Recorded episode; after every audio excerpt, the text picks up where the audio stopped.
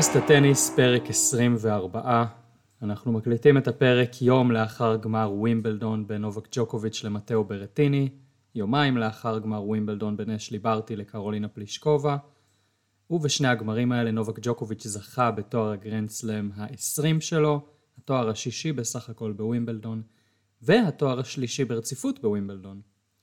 אשלי ברטי זכתה בתואר הגרנד סלאם השני שלה, בתור המדורגת ראשונה בעולם והמדורגת הבכירה בווימבלדון, נוף די חריג בסבב הנשים של השנים האחרונות. ואנחנו עתידים אה, לחפור לכם על כל ההתרחשויות האלה של השבוע האחרון. את הפרק האחרון, הקודם, כלומר של הפודקאסט, הקלטנו ביום ראשון האמצעי בווימבלדון. אה, מאז הספקנו לעבור את מניק מנדי האחרון עם שמיניות הגמר, רבעי הגמר, חצי הגמר והגמר. היו עוד שלל סיפורים שאנחנו ניגע בהם בקצרה או באריכות. אה, אני חושב טורניר הנשים המוצלח ברמה הגבוהה שהיה. ההפסד של פדרר, אה, מה המשמעות של הדבר הזה לסבב. העלייה של כמה וכמה טניסאים וטניסאיות צעירים אה, בטורניר הזה, וכמובן הזכייה של ג'וקוביץ' בתואר הגרנד סלאם ה-20. אנחנו ניגע בשאלות שאי אפשר להתחמק מהן. ואיתי מברלין הרחוקה, משוויץ לי כרגע בזום שעדיין יש להם שמש בעת שבתל אביב השמיים חשוכים. שלום לך ארז. שלום. Guten Abend. Guten Abend, Guten Abend, שלום, מה שלומך? אמ, אז אני רק אציין שאנחנו מקליטים את הפרק בשעה רבע לעשר שעון ישראל. ו- ונמרוד נראה כאילו דרסה אותו רכבת, עכשיו אני לא יודע אם זה, אם זה רכבת של החיים או שזה בגלל ההפסד של פדרר, אנחנו נגיע להפסד של פדרר בהמשך כמובן, אנחנו גם נדרוש לשלומו של נמרוד בהקשר הזה כמובן, אמ, אבל אנחנו נתחיל, אני חושב, נתחיל מהסוף בעצם, והסוף הוא בעצם ההיסטוריה שנעשתה אתמול כשנובק ג'וקוביץ' אה, השווה את השיא של, אה, של אה, נדל ופדרר והשתווה אליהם בפסגת הגרנד סלאם עם 20 והוא מאיים לשבור כל שיא אפשרי, מאיים לזכות ב Golden Slam, בגרנד סלאם, אם אם הוא ישתתף באולימפיאדה ויזכה בה ואם הוא יזכה גם ב-US Open, כלומר שלוש מתוך חמש כבר יש לו. והוא לגמרי מרעיד את כל עולם הטניס בחודשיים האחרונים. כן, אני, אני רוצה, אני חושב בנקודה הזאת לחזור אה, שלוש שנים אחורה. נובק ג'וקוביץ' אמר בריאיון, ארז כבר מגחך כי הוא אומר, מה, מה אתה, מה אתה נופל עליי עכשיו? אני יודע בדיוק על מה אתה הולך לדבר, כן. אה, לא, אה, כן, אני הולך לדבר על כמה דברים. אבל uh, ג'וקוביץ' אמר, שאלו אותו אה, מתי לראשונה, אני חושב שזה היה במסיבת העיתונאים, לא בריאיון על המגרש, במסיבת העיתונאים אחרי הגמר שאלו אותו מתי אה, הצבת את המטרה של לעבור אותם במניין הגרנדסלאמים, והוא אמר לפני בערך שנתיים וחצי שלוש התחלתי להרגיש שזה אפשרי. ב-2016, כזכור, ג'וקוביץ' היה הראשון שזכה בארבעה גרנדסלאמים ברצף, מאז רוד לייבר ב-69. כמובן, כשאני אומר הראשון ו- וכל הדברים האלה, הכוונה היא לסבב הגברים, אז uh, קחו את זה קדימה לכל הפרק, בסבב הנשים היו תקדימים. Um, אבל הוא זכה בכל ארבעת הגרנדסלמים ברציפות, השלים uh, באליפות צרפת את הזכייה מול מארי, ואז יצא לשנתיים uh, שביתה איטלקית בסבב, הוא היה נוכח נפקד. אה, שיחק, אבל שיחק אה, רחוק ממיטבו, גם סבל מפציעה במרפק, גם סבל מאיזו פציעה במוח, הלך שם לאיזה גורו אה, חובב חיבוקים ודברים כאלה. פפה אימז, סליחה, באמת השעה קצת מאוחרת ואני קצת, קצת במצב כפית, אני מקווה שזה יוסיף לפרק ולא יגרע ממנו. מכל מקום, שנתיים בסבב פדרר ונדל חגגו שם, כמו שארז חוגג בברלין. בברגהיים. הברגהיים סגור ממרץ 2020, והאמת שאני עוד לא הייתי לא בו נפתח? אפילו פעם אחת. לא, לא פותחים פה מועדוני לילה בשלב זה. והם כאילו הדבר האחרון שפותחים, אבל uh, בסדר. לא, לא הייתי בו גם לפני כן. האמת שאין אני... לי שמץ של מושג היום, מועדוני לילה פתוחים בתל אביב, כאילו הייתי בחיים שלי במועדון לילה בתל אביב. אני חושב שהם נפתחו. בכל מקרה. כן. יכול מאוד להיות, אני באמת לא יודע.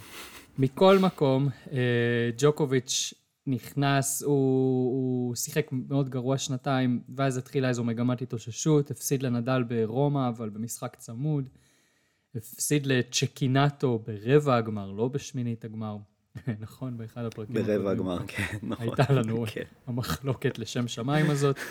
אה, והגיע לווימבלדון, הפסיד גם לצ'יליץ' נדמה לי בקווינס. הפסיד אחרי שהיה לו match point מול צ'יליץ'. בגמר. בגמר בקווינס, כן. ו- כן, ואז הגיע לווימבלדון וניצח את נדל בחצי הגמר, בשנה שארז ואני ביקרנו שם בווימבלדון, אבל ארז לא היה בחצי הגמר ההוא. בגלל זה רפה הפסיד. אז, אז, בדיוק, אם רק היית שם הכל היה משתנה. כן.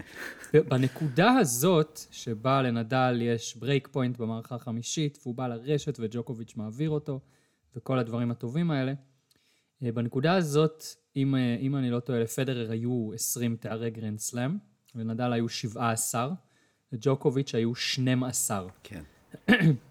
עכשיו, אם אנחנו מסתכלים שלוש שנים אחורה, ג'וקוביץ' בעיצומו של משבר שהולך ומתמשך כבר שנתיים, נדל ופדרר זוכים בתארי גרנדסלאם, ג'וקוביץ' דורג אז כמה? 18 בעולם או איזה 19, משהו כזה? מה, כן, משהו כזה, כן. נמוך. אמ, ומאותו הרגע הוא זכה בשמונה תארי גרנדסלאם, נדל רק בשלושה ופדרר באפס. כן. נדל ופדרר זכו בשישה האחרונים בעצם, עד לאותה נקודה. נכון, מאוסטרליה 2017 עד צרפת 2018. כן, שלושה ושלושה. בעצם הריצה הזאת היא מדהימה, באמת. אמ, כשג'וקוביץ' אומר, התחלתי להאמין בזה לפני שנתיים וחצי, שלוש, זה more or less, כשהוא היה בפיגור של שמונה תארים אחרי פדרר, שמונה תארים בשלוש שנים, וזה פער שהוא סגר. אמ, עכשיו... אה, שמונה מתוך 12 בעצם, שני שליש מהסלאמים האחרונים. מתוך 12 או אה, 11? 12, לדעתי. כלומר, כי לא היה ווימבלדון בשנה שעברה. כן, נדל זכה בעוד שלושה, וטים זכה בעוד אחד. בסדר גמור. סומך ידיי על החישוב. אה, בכל מקרה, אני חושב, כן, אה, וכתבתי את זה באיזו שורה באחד הפוסטים בפייסבוק, אבל אה, שחקנים הישגים ומופלאים היו לנו רבים בסבב, אבל אני חושב שתופעה כמו ג'וקוביץ' עוד לא הייתה, במובן שכשהוא החליט, הוא הגיע למסקנה שכן, אני יכול להשוות את סיטארי הגרנדסלאם, הוא פשוט העלה הילוך והשתלט מחדש באכזריות על הסבב, אמ, בין אם זה פדרר בווימבלדון, נדל באליפות צרפת, כל טניסאי אחר, בכל מקום אחר. אמ, פשוט made up his mind, ועם הראש בקיר, כנגד הסיכויים, באמת כנגד הסיכויים, כי תשמע, שמונה תארי גרנדסלאם מתוך 12, כשאתה מעל גיל 30, אה, מול יריבים היסטוריים, באמת, זה, זה באמת לא נתפס. כן, אה, אתה יודע, זה, אני חשבתי שנגיע לזה קצת יותר מאוחר בפרק, אבל אני חושב שהנקודה הזאת, זה, זו הייתה נקודה אחת שהייתה יכולה להיות, אני חושב, באמת משנה היסטוריה, כי אם נדל היה באמת לוקח את אותו break point בסט החמישי, בחצי הגמר בווימבלדון מול ג'וקוביץ', כשהתוצאה... שבע שבע אני חושב זה היה? כן, אני חושב שזה משהו היה. כזה, כן. כן. אני חושב שזה היה שבע שבע, ונדל באמת נתן בנקודה הזאת את כל כולו, ונתן שם backhand מטורף ועלה לרשת, וג'וקוביץ' ממש כחוט השערה הצליח להשחיל שם passing shot, והציל את הגיים הזה. נדל הספיק עוד לקחת עוד גיים אחד אחר כך, אבל אחרי זה הוא נשבר. ומשם ג'וקוביץ', כמו שאמרת, פשוט לא הביט אחורנית. ואם נדל היה לוקח את אותה נקודה, אני רק יכול לדמיין איפה היינו עומדים היום. אפילו בהיבט של ווימבלדון, אם נדל, בוא נגיד, אתה זורם איתי רגע עם הרעיון שאם נדל באמת היה לוקח את הנקודה הזו, אז כנראה שהוא גם היה לוקח את אותו ווימבלדון? כן. אוקיי, אז אמ, מה שהיה קורה מבחינה היסטורית, נדל וג'וקוביץ' היו שניהם משתווים עם שלושה תארים בווימבלדון. ומה יש לנו היום? יש לנו את נדל עם שניים, וג'וקוביץ' עם שישה. זה פשוט באמת בלתי נתפס מה שג'וקוביץ' עשה בווימבלדון ב, ב, בשלוש שנים הללו. הוא זכה 2018, 2019, 2020 הטורניר לא נערך.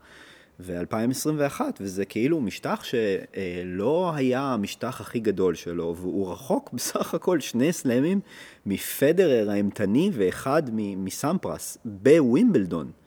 כן, אה, מישהו כתב בטוויטר, לנובק ג'וקוביץ' יש עכשיו יותר תארי ווימבלדון מלביורן בורג. אה, let that sink in, ובאמת, כאילו מי שגדל על אה, טניס עוד לפני פדר, כן, ביורן בורג ווימבלדון זה...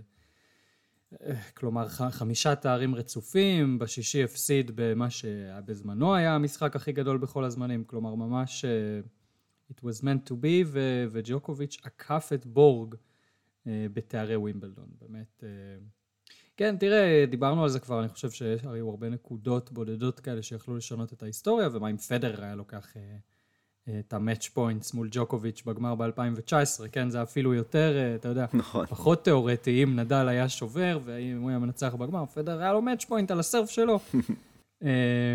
ופדרר היום יכל להיות עם 21 תארי גרנדסלאם ותשעה ווימבלדונים, וג'וקוביץ' לפחות עם אחד פחות, כן.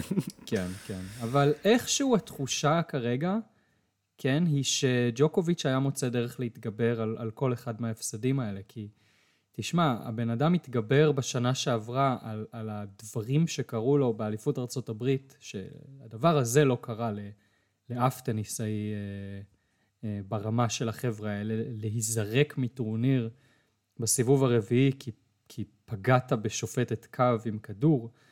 אמ, בשנה שבה התקיימו רק שלושה טורנירי גרנד סלאם גם, אה, בדיוק בצומת הזאת שאתה נלחם ב, ביריבים ההיסטוריים שלך על מספר התארים, ואז ההפסד הזה בגמר אליפות צרפת, שבועיים אחר כך, שלושה שבועות אחר כך, לנדל, כשהוא אכל שם בייגלח, אה, והוא פשוט התגבר על זה, כאילו כלום. מי זוכר את זה עכשיו, את הדבר הזה? לגמרי. לגמרי. אמ, כן, אין, אין, אין לנו מספיק סופרלטיבים, אמ, אבל אני חושב, נמרוד, אולי, אולי נעצור רגע את הסופרלטיבים, ו... כי בכל זאת היה גם משחק גמר, אז אולי נדבר עליו קצת. כאילו, אני מסכים שהמשחק עצמו הוא לא הסיפור המרכזי פה. אבל בכל זאת, בוא, בוא, בוא נדבר גם קצת על הגמר, כי בכל זאת היה, היה שם גם את uh, מתאו בריטיני, שנתן הופעה מאוד מרשימה, גם שפובלוב האמת בחצי הגמר נתן הופעה מאוד מאוד מרשימה, אבל חלק בדיוק מהסיפור הזה של ההופעות המרשימות שלהם, זה בדיוק הגדולה הזאת של ג'וקוביץ', שלמרות ההופעות הבאמת מאוד מאוד מרשימות שלהם, הם פשוט לא יכלו לו. אמ, אז, אמ, אז כן, אז, אז היה לנו גמר, שאפילו בריטיני הצליח לקחת בו את הסט הראשון, אבל בסופו של דבר, אני חושב שמה שהכריע את הגמר הזה היה, אמ, אם אנחנו מסתכלים אפילו מבחינה סטטיסטית, אז אנחנו יכולים לראות שפשוט הנשקים הכי גדולים של ברטיני אה, פשוט אה, לא, לא עמדו לו. וגם אם אומנם אה, גמר ראשון והוא קצת התרגש והוא לא הצליח להביא את הטניס הכי הכי טוב שלו, אז ברטיני, כבר דיברנו על זה, אני חושב, בפרק הקודם, הוא נשבר בשישה משחקים עד לגמר, בסך הכל חמש פעמים לאורך כל הטורניר, כלומר פחות משבירה בממוצע למשחק. אגב, שלוש מתוך השבירות האלה היו נגד אוז'ר אליאסים ב... ב... ברבע הגמר, אני רוצה, כן, ברבע הגמר. כן. והוא נשבר מול ג'וקוביץ' שש פעמים, כלומר יותר ממה שהוא נשבר בכל הטורניר גם יחד. ודיברנו על האחוזים שלו לאורך כל הטורניר, האחוזים שלו אה, ב, בסרב הראשון היו מעל 80 אחוז, והאחוזים שלו בסרב השני היו מעל 60 אחוז. במשחק הזה הוא צנח למתחת ל-80 אחוז אה, בסרב הראשון, ומתחת אה, ל-40, אם אני זוכר נכון, בסרב השני. אה, וזה פשוט מה שנובק ג'וקוביץ' עושה לך, ו... אה,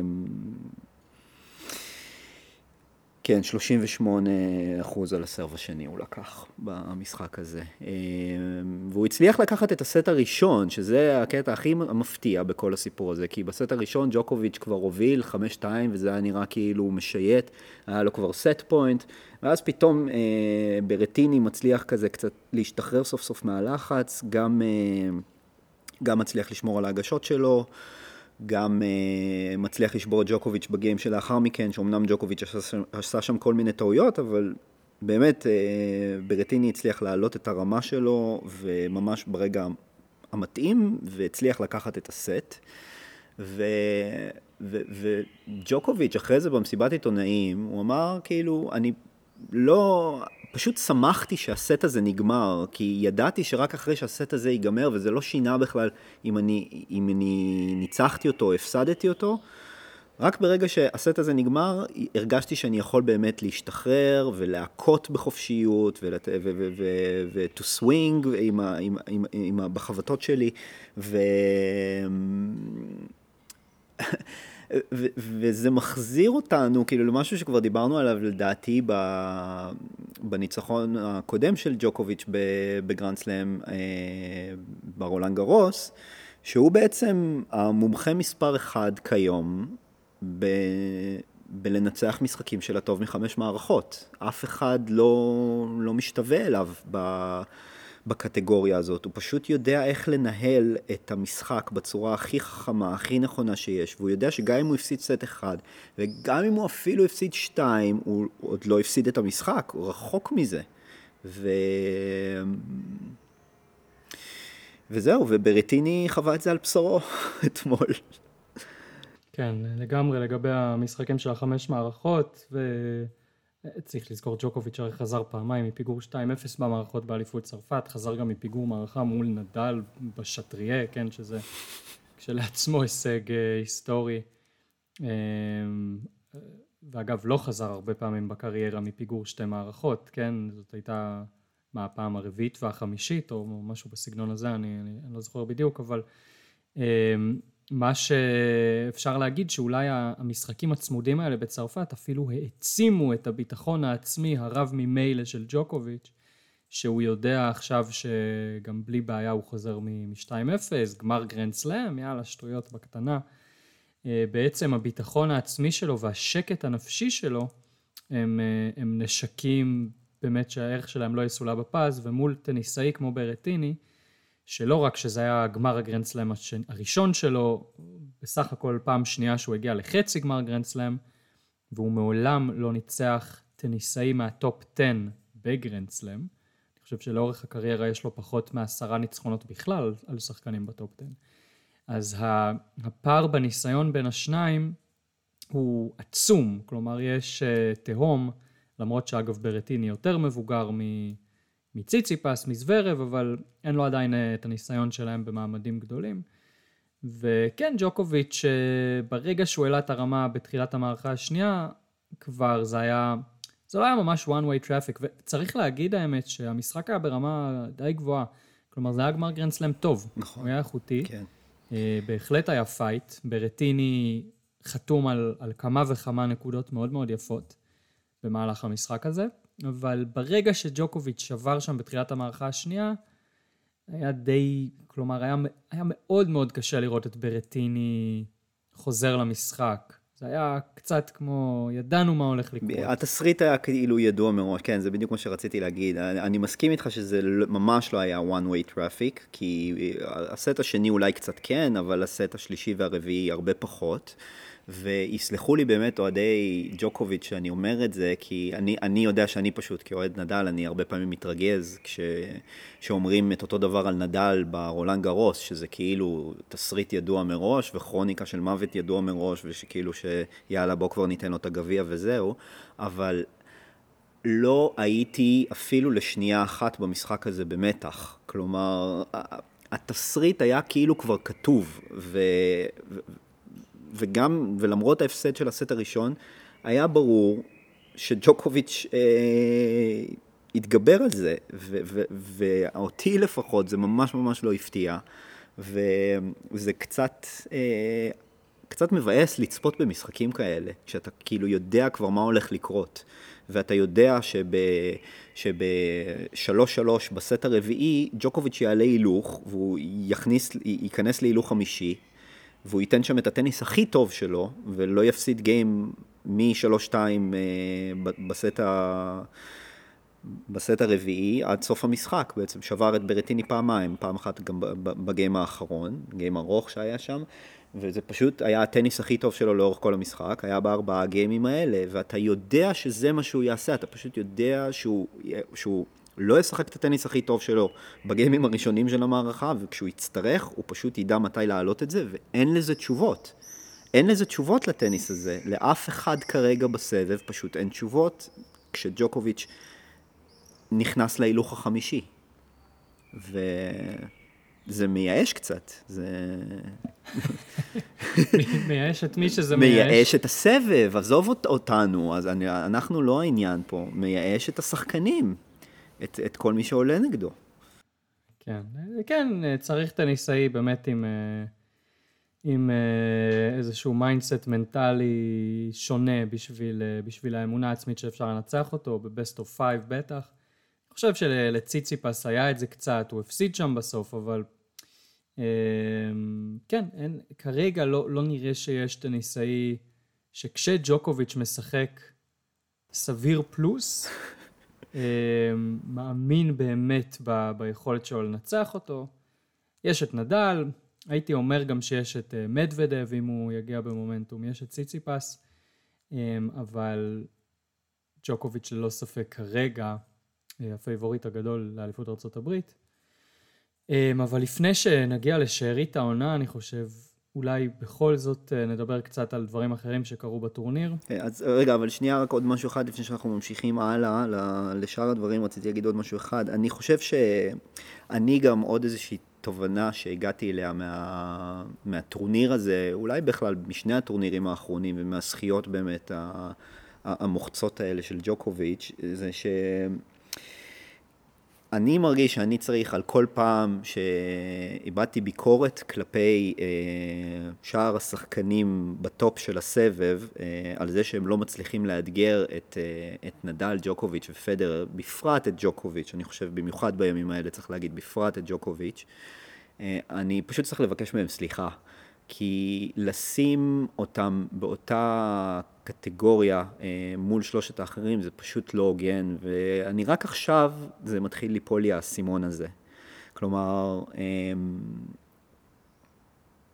אם אנחנו נסתכל על, על, על כל השחקנים, אה, על, על מדוודב, על, על זוורב, על ציציפס, הם שחקנים מעולים, כל אחד ואחד מהם, בריטיני, שפובלוב, פשוט שחקנים מעולים. והם פשוט אה, נקלעו ל... נולדו בעידן הלא נכון, ו... וזה, ואני מתבאס בשבילם, כי זה באמת, אנחנו כאילו שופטים אותם לחומרה שהם לא מצליחים לנצח את שלושת הענקים האלה, אבל שלושת הענקים האלה הם פשוט בקטגוריה משלהם. ודומיניק טים, שכחתי להגיד, דומיניק טים, שחקן שאם הוא לא היה נולד בדור הזה של נדל, ג'וקוביץ' ופדרר, היו לו היום שבעה, שמונה סלאמים, אני משער. אני יכול רק לנחש. ויש לו היום אחד, והוא עושה רושם שהוא עם חצי רגל בקבר כרגע. כן, לא, אני, אני מתחבר לנקודה הזאת. אני, אני באמת חושב ש... כלומר, שלושה שחקנים שזוכים ב-20 תארי גרנד סלאם הוכיחו, אה, כן, אם לדבר בלשון המעטה, הוכיחו שהם אה, באמת ברמה משל עצמם. וכן, ולהגיד על החבר'ה שהם מנצחים, שאין עומק ואין תחרות ואין זה, זה, זה להמעיט בכמה שהחבר'ה האלה, מכל מיני סיבות שונות ומשונות, ש, שקשה לנו להבין, באמת, קשה להסביר למה, למה ג'וקוביץ' כל כך הרבה יותר טוב משחקנים אחרים, כלומר, מה, מה, מה הופך את המוח שלו, כן, את, היכולת, את הקואורדינציה, מה, מה הופך אותו לשחקן כל כך גדול? באמת, אלה שאלות ש... אני לא יודע איך לענות עליהן. אבל באמת אלה תופעות טבע, ו- וברטיני, וציציפס, וזוורב, וטים, אה, ומדוודה וכולי, הם שחקנים מדהימים, הם פשוט, מה, מה לעשות, הם אנושיים. הם אנושיים והם אה, נפלו בתקופה לא טובה. עכשיו, אני גם דואג מהצלקות שזה יעשה להם. כלומר, אתה יודע, מזה שהם כל הזמן אה, במקסימום נאמבר 2. אני, אה, מה יקרה כאילו כשהשלושה האלה כבר לא יהיו בסביבה? וכאילו, ראינו סוג של טעימה מזה, שטים וזוורב שיחקו בגמר ה-US Open, כשאף אחד מהשלושה לא היה בסביבה. ואף אחד מהם לא הצליח להתעלות, אף אחד מהם לא הצליח, הם שניהם רעדו להם הברכיים. אז כאילו, אני לא יודע, אני תוהה אם זה איזשהו סוג של צילוק, כאילו, ממה שעובר על השחקנים האלה, מהחיים בצל ה big אה, 3. אה, לא יודע, דווקא הנקודה הזאת אני, אני פחות מתחבר, כי אני חושב ש... תראה, באופן, באופן אבסולוטי, כן, אם אתה מסתכל על השורה התחתונה, אז ברור שהחבר'ה האלה, אם הם היו נולדים בשנות התשעים, אז uh, בוודאי שהם לא נופלים מחלק מהשחקנים שזכו שם בתארי גרנד סלאם. כן, אני, אני לא חושב ש... שמדוודב וזוורב וציציפס וטים נופלים מ... אני יודע, מ... קפלניקוב. קפלניקוב כן. ו... ו... ופטר קורדה ו... וקרלוס מויה ו... פררו. וברוגרה אה, שלקח שם פעמיים אליפות צרפת וגם גוגה קוארטן שלקח שלוש פעמים אליפות צרפת וקרייצ'ק ובאמת הרבה, הרבה שחקנים שלקחו תארי גרנד סלאם ו... ולגמרי לא, לא עולים על החבר'ה שיש לנו היום בסבב.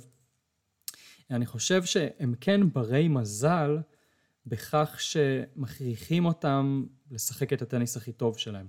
אני חושב שבתקופות יחסית חלשות בסבב, יכולת לקחת תארי גרנד סלאם ויכולת ככה לעלות לגדולה בלי, בלי להגיע ל, להיות השחקן הכי טוב שאתה יכול להיות. כלומר, אני, אני זוכר שאלברט קוסטה לקח את אליפות צרפת ב-2002. 2002, בשנה לפני שפדר לקח את הגרנדסלם הראשון, לדעתי כנראה השנה הכי מאפנה שהייתה בתולדות הטניס. בהיסטוריה תומאס יוהנסון לקח את אליפות אוסטרליה, אלברט קוסטה את אליפות צרפת, באמת. יואיט את ווימבלדון, נכון?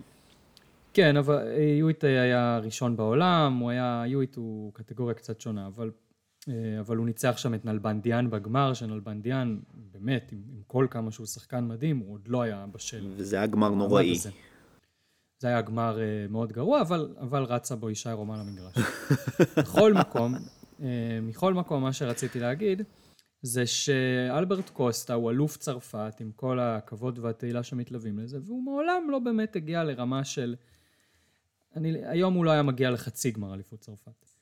אמ, והחבר'ה האלה נאלצים, דומיניק טים, הוא נאלץ לעלות למדרגה של טניסאי, כלומר, התצוגה לצורך העניין שהוא נתן מול נדל באליפות אוסטרליה, אמ, כשהוא ניצח אותו שם בארבע מערכות, זה היה רבע גמר 2020. אה, 20. אה, הוא לא היה מגיע לזה אלמלא הוא היה נאלץ להתחדד מול החבר'ה האלה שדחקו אותו לקצה גבול היכולת והכריחו אותו כל יום באמת, באמת, לא ברמת הסיסמה. כי תמיד יש את הסיסמה הזאת שתמיד צריך להשתפר, ומי שלא משתפר הולך אחורה, וכל מאמן של ילדים בכיתה ד' יודע להגיד לך את זה.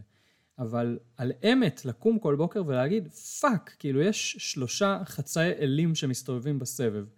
ואם אני רוצה לחלום על לנצח אותם, אני צריך על כל פיפס במשחק שלי לעבוד ולהשתפר ו... אמ, ולהפוך לגרסה הכי טובה של עצמי שאני יכול להיות.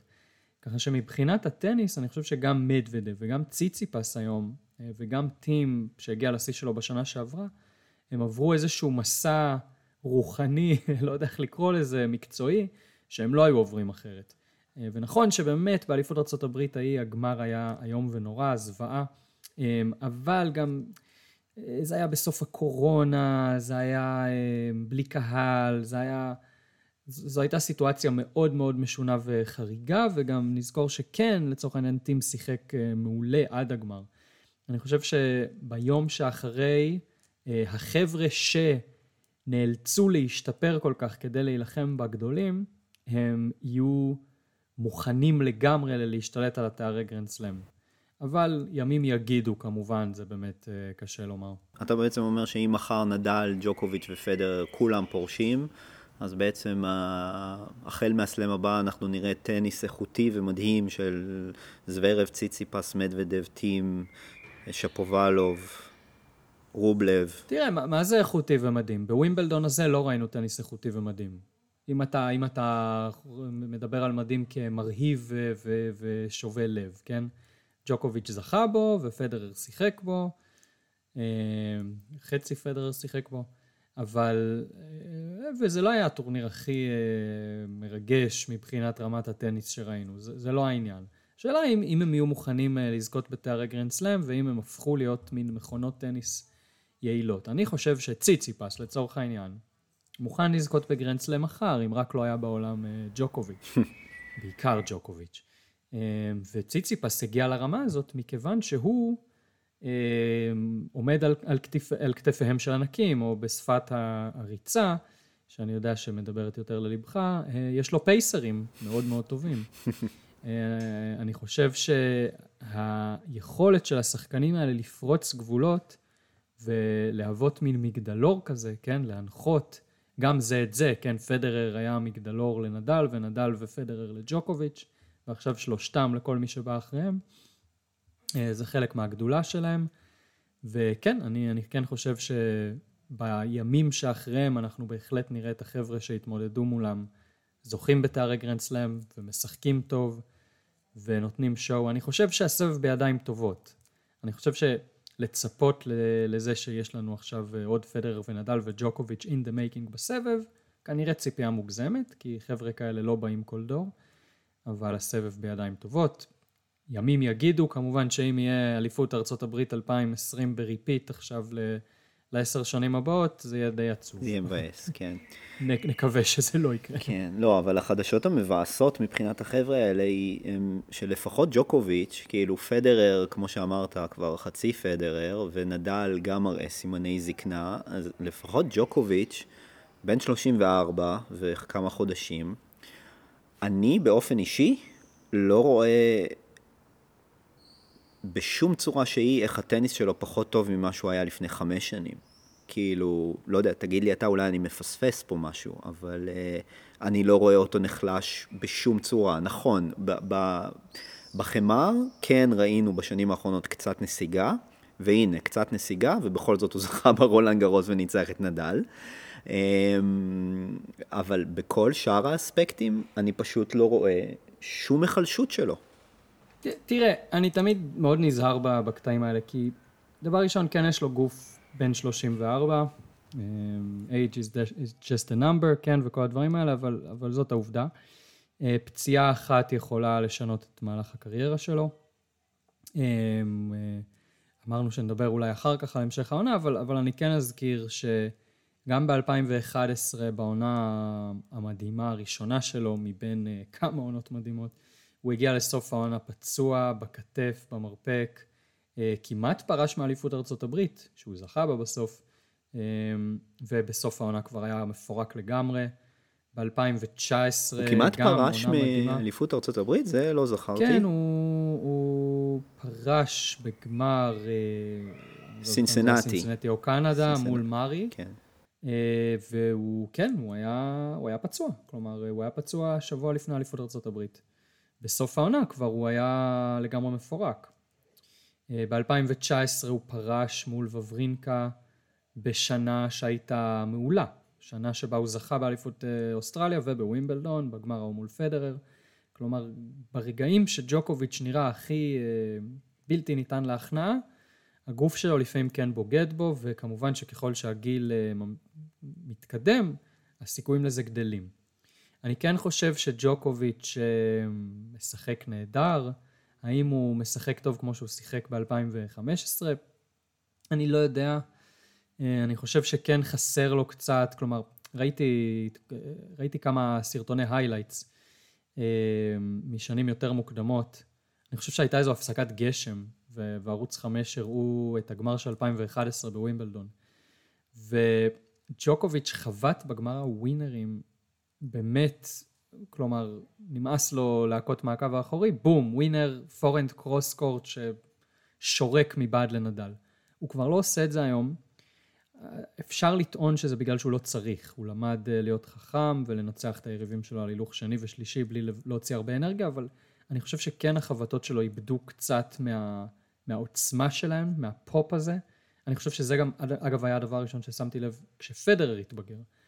פדרר בעבר, ואני חושב שדיברנו על זה באחד הפרקים, אה, בשיא שלו אז אמרו למי יש את הפורנד הכי טוב בסבב, הכי חזק, לפדרר או לנדל? ודי מהר בקריירה של פדרר כבר אף אחד לא אמר את זה, כי כבר לא, לא היו לו את העוצמות שהיו לו בעבר. בגיל די, די צעיר אה, יחסית, כבר 31, 2, 3, זה כבר לא היה שם. כלומר, ג'וקוביץ' כן מאבד אלמנטים במשחק שלו, בין אם ירצה ובין אם לא. השאלה אם זה משנה משהו בהתחשב בכמה שהוא יותר טוב מכולם.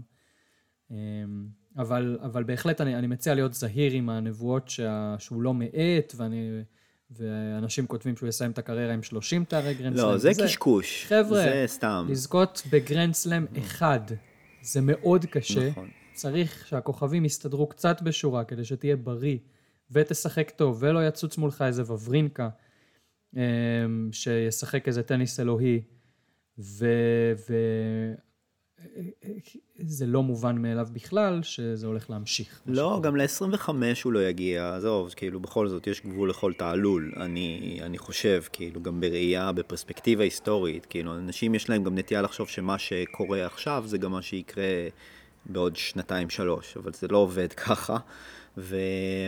אבל... אה, אבל אני אומר, אני, אני מסתכל על ההווה, ובהווה כרגע מה שאני רואה זה שהטניס שלו כאילו פלולס לגמרי. וכן, אה, אני מסכים איתך שבהחלט זה יכול להשתנות, אה, וכאילו, ואנחנו לא נראה את זה בה. כאילו, זה, זה הקטע הכי, הכי מעניין פה בעצם, שבאמת הפציעות האלה כאילו מגיעות משום מקום, ברגעים הכי לא צפויים. אמ, אני חושב שגם אנחנו עכשיו רואים אותו גם באיזושהי מטרה, אה, שיש לו איזושהי מטרת על, שהיא לזכות ב... טוב, יודע מה, בוא, בוא נמשיך, נדבר, נדבר על זה אחר כך, על, על המשך העונה, על ה-US Open, כי חבל, אנחנו עוד רוצים לדבר סבבה. קצת על הדברים האחרים. נעבור. כן, בבקשה. או, או נחזור אחורה. כן, נחזור אמ, אחורה. טוב, אני, אני אקח כן קצת את ההובלה פה, כי אני, אני עברתי איזו טלטלה רגשית במהלך ווימבלדון. אני אדבר, אני אדבר בגילוי לב. אמ, אז פדרר במהלך הטורניר שיחק אה, טניס, אמ, זה נע בין אה, טניס גרוע בסיבוב הראשון לבין טניס אה, בינוני ובינוני פלוס בסיבובים לאחר מכן, וברבע הגמר מול הוברט הורקאץ', אני חושב ש... אמ, עולם הטניס הגיע עם ציפיות שפדר הולך לנצח אותו ולהפיל לחצי הגמר, כי הורקאט שבר את מדוודב אה, כאילו בקושי, למרות שבדיעבד אפשר להגיד, הורקאט נתן שואו מטורף מול מדוודב, כן? במערכות הרביעית והחמישית, אחרי שהם חזרו מהפסקת גשם הזאת. ו... והדבר הזה לא קרה. כלומר, אה, פדרר עלה למגרש, כבר די מתחילת המשחק הורקאט שראה עליונות די ברורה. פדרר הוביל בשבירה במערכה השנייה, נשבר חזרה, ומהרגע אה, שהוא נשבר חזרה, די הרגיש שהוא לא, לא מאיים על משחקוני ההגשה של הורקאץ'. פדרר לאורך כל הטורניר, ההגשות שלו היו רחוקות שנות אור ממה שהן היו עד 2019. כלומר, הוא היכה אה, ממוצע של אייס שניים למערכה, זה שחקן שפעם סגר משחקוני הגשה ב-40 שניות, 50 שניות, כל מיני דברים כאלה. אה, ובמערכה השלישית, אחרי שהוא הפסיד בשובר השוויון החד צדדי שהיה במערכה השנייה, במערכה השלישית הוא הפסיד 6-0, כן, אני מניח שכל מי שמאזין לפודקאסט מכיר את התוצאה הזאת. אה, ו... ובתור כן, אה, אוהד פדרר, כן, אני תמיד מרגיש שלהגיד אוהד פדרר זה לא, לא תופס את, אה, את עוצמת הרגשות שמעורבים בסיפור הזה. אה, לראות את פדר במערכה השלישית הזאת במיוחד היה באמת שובר לב, כי פדרר הפסיד הרבה, בהרבה משחקים בקריירה ובהרבה משחקים מאוד קשים. כן, ובאמת, רק אם להזכיר כמה, אז אני יכול להזכיר את ה... משחק מול ג'וקוביץ' באליפות ארה"ב ב-2010, ואז ב-2011. את המשחקים מול נדל בשנים המוקדמות, באמת, רבים מספור, הגמר אליפות צרפת הנורא ב-2008, וגמר ווימבלדון ב-2008, ואוסטרליה ב-2009. ואחר כך יותר מאוחר שלושה גמרים לג'וקוביץ' בווימבלדון 14, 15, ארה"ב 15, ווימבלדון 2019 כמובן, ועוד המון המון המון. כלומר, אני, אני עם פדרר מתחילת הקריירה שלו כמעט, אני עוקב אחריו, אוהב אותו, אה, עוד מלפני הזכייה הראשונה שלו בווימבלדון, ועברתי הרבה טלטלות רגשיות עם, ה, עם האיש הזה. אבל לראות אותו כמו שראיתי אותו בווימבלדון עכשיו, השנה, זה עוד לא קרה. כלומר, ראינו על המגרש שחקן ניסה לחוות inside out forehand, כן, אתה רואה אותו זז באיטיות, בצורה מגושמת, בקושי מצליח. שמעתי פודקאסט עם בילי ג'ין קינג, ששאלו אותה, תגידי, את עדיין משחקת טניס? בילי ג'ין קינג היא בת 70 ומשהו, אני לא יודע בדיוק. והיא אמרה, אני לא יודעת אם פעם, אה, אמרה למראיינת, אני לא יודעת אם פעם יצא לך לראות אישה בת 70 משחקת טניס, אבל הרבה ממה שאת עושה על המגרש זה פשוט להתחמק מכדורים ולקוות שהם לא יפגעו בך.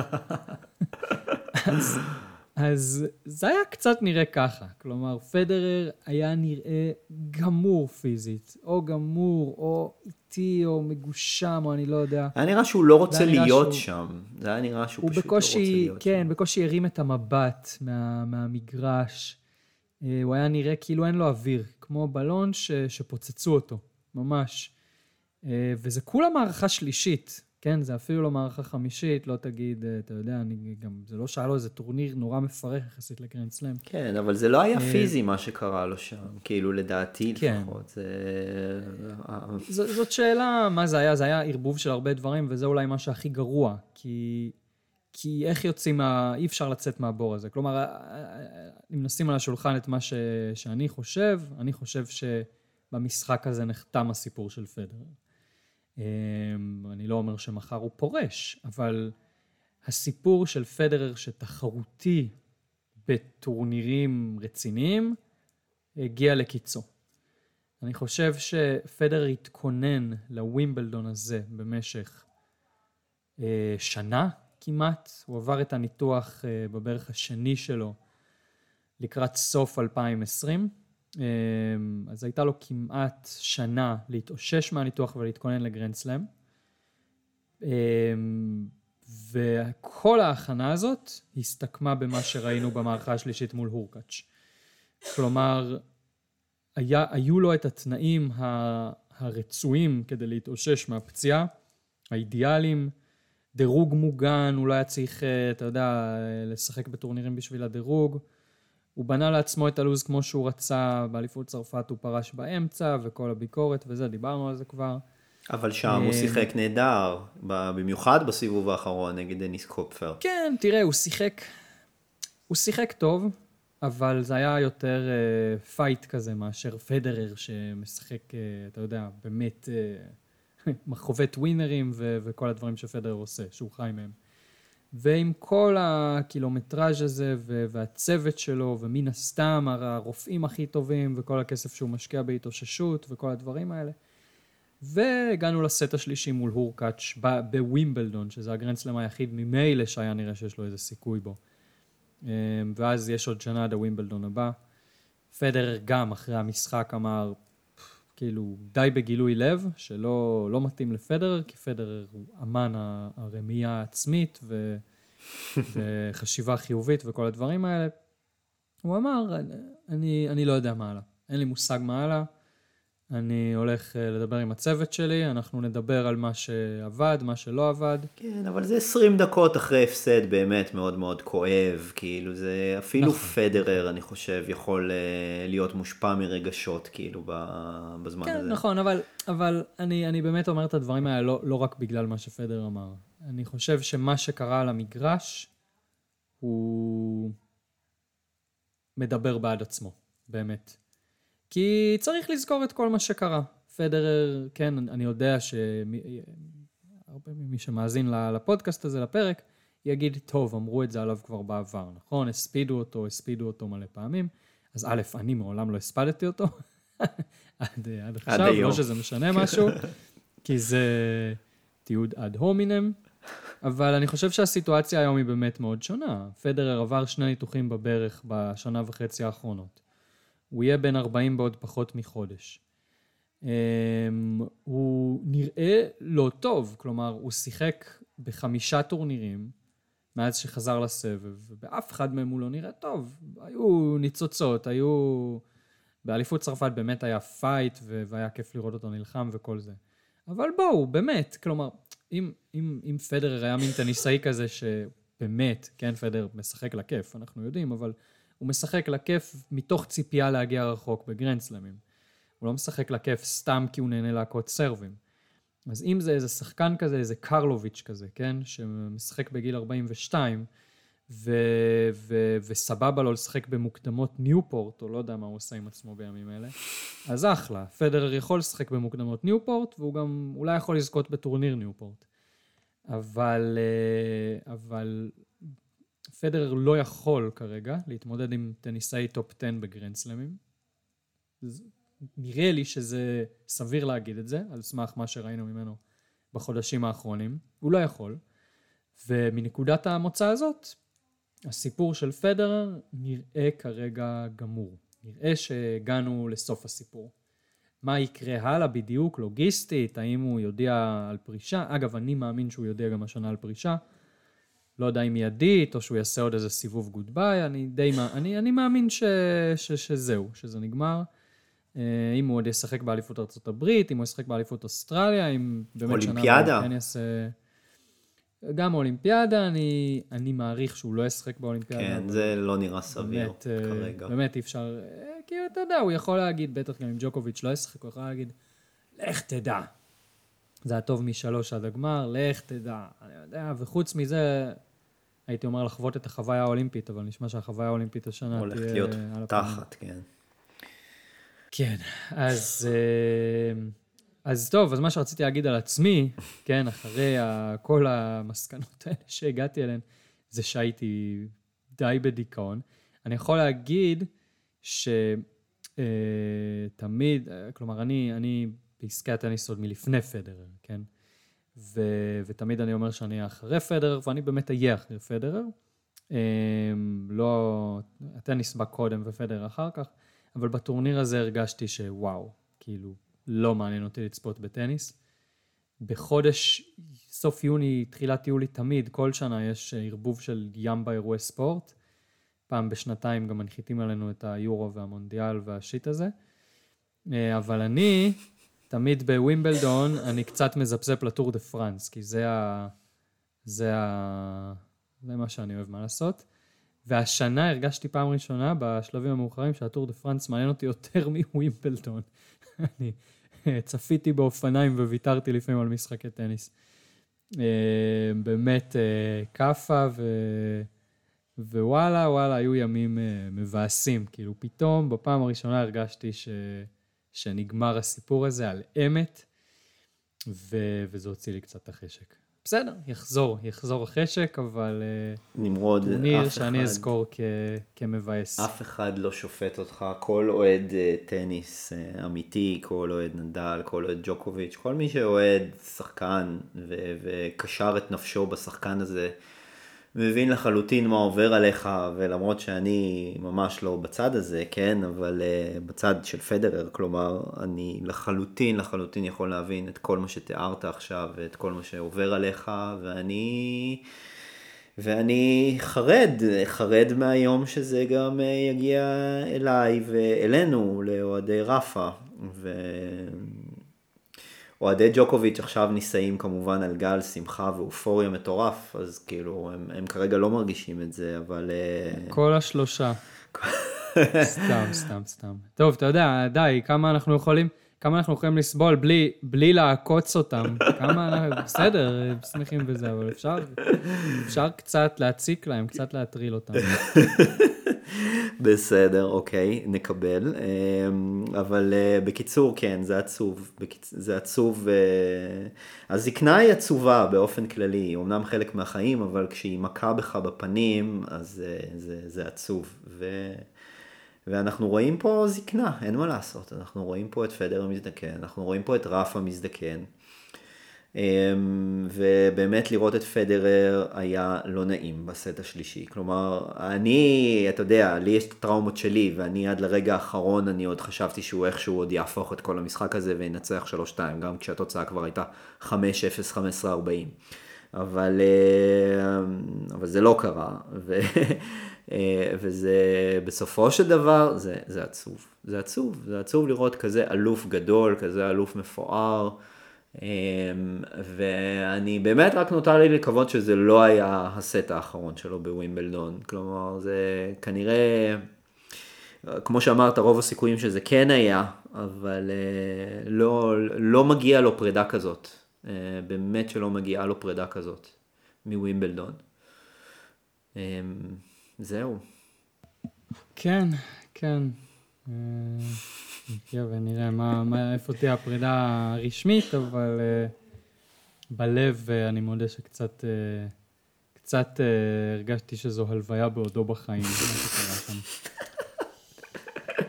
בסדר, מה לעשות. עם, מה לעשות, עם, אבל עם, לפחות- עם כומר פולני. כן, עם, עם הפולני, עם הורקאץ'. מילא, אתה יודע, מילא הוא היה מפסיד כמו שסמפרס הפסיד לפדרר, כן, היינו אומרים חילופי דורות וזה, אבל הורקאץ' הוא לא חילופי הדורות, עם כל הכבוד לו, ויש כבוד.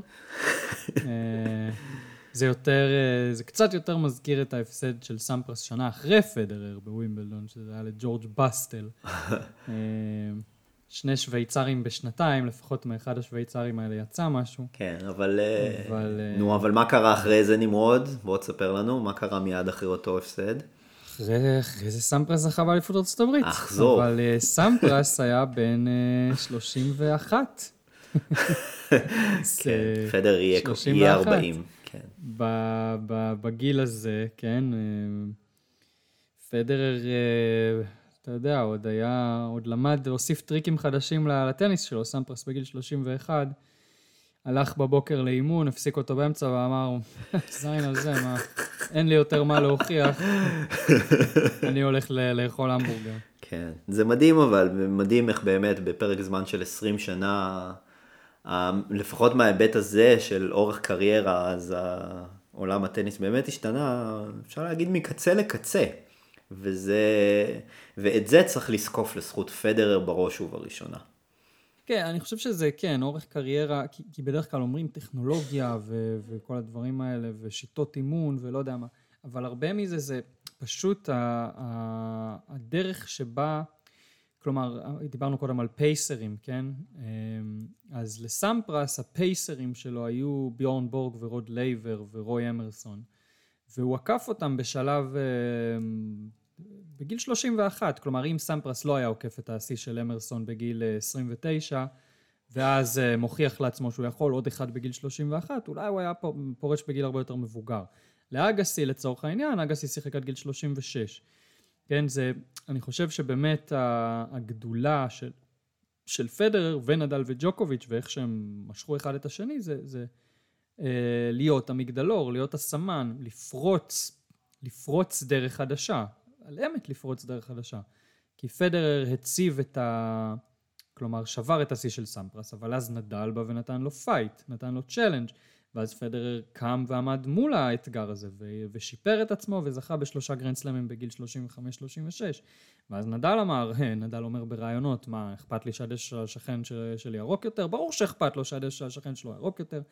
ובגלל זה הוא עדיין משחק ומנסה להשתפר. וג'וקוביץ' הוא היחיד מבין השלושה שהוא באמת מדבר בכנות. אז הוא אומר, ברור, אני רוצה לעקוף אותם, והם ההשראה שלי, ו... וככה הדברים האלה מזינים את עצמם, ובאמת הגדולה של השלושה האלה היא הפריצת דרך. אמ, והם היו פייסרים זה לזה, ובזכות כך הגענו לאן שהגענו. כן, טוב, אה, בנימה פסימית זו, אה, נמשיך הלאה. אה, אז אני חושב שאנחנו צריכים, שאי אפשר לסיים את הפרק הזה בלי לתת גם כמה מילים לכוכבים הנוספים בצד של הגברים. אז היה לנו את שפובלוב, שבכלל לא דיברנו עליו, שאומנם הפסיד בשלוש מערכות לג'וקוביץ', אבל קודם כל אה, הגיע ל... לחצי גמר פעם ראשונה, חצי גמר גרנד סלאם, אחרי חמש מערכות מול חצ'אנוב, אה, שהוא בעצמו ניצח ברבע הגמר במשחק ביזארי ביותר את, אה, את סבסטיאן קורדה. שמינית הגמר. בשמינית הגמר, סליחה, ב Manic Monday, נכון. אה, את אה, קורדה בסט חמישי אה, 10-8 עם 12 שבירות מתוך 18 גיימים, באיזשהו שלב היה שם. כן, רק נגיד בכל זאת על קורדה, ש... ש... תענוג. המשחק הזה באמת היה ביזארי, זה היה משחק החמש מערכות הראשון בקריירה של קורדה, כן? אבל uh, טניסאי בפריצת דרך מטאורית, לפני שנה היה מחוץ ל-200 הראשונים בעולם, ויש למה לצפות ממנו גם בסוף השנה באליפות ארה"ב וכולי, uh, לגמרי על הרדאר אני חושב עכשיו של אחד הטניסאים הכי מבטיחים בסבב. כן.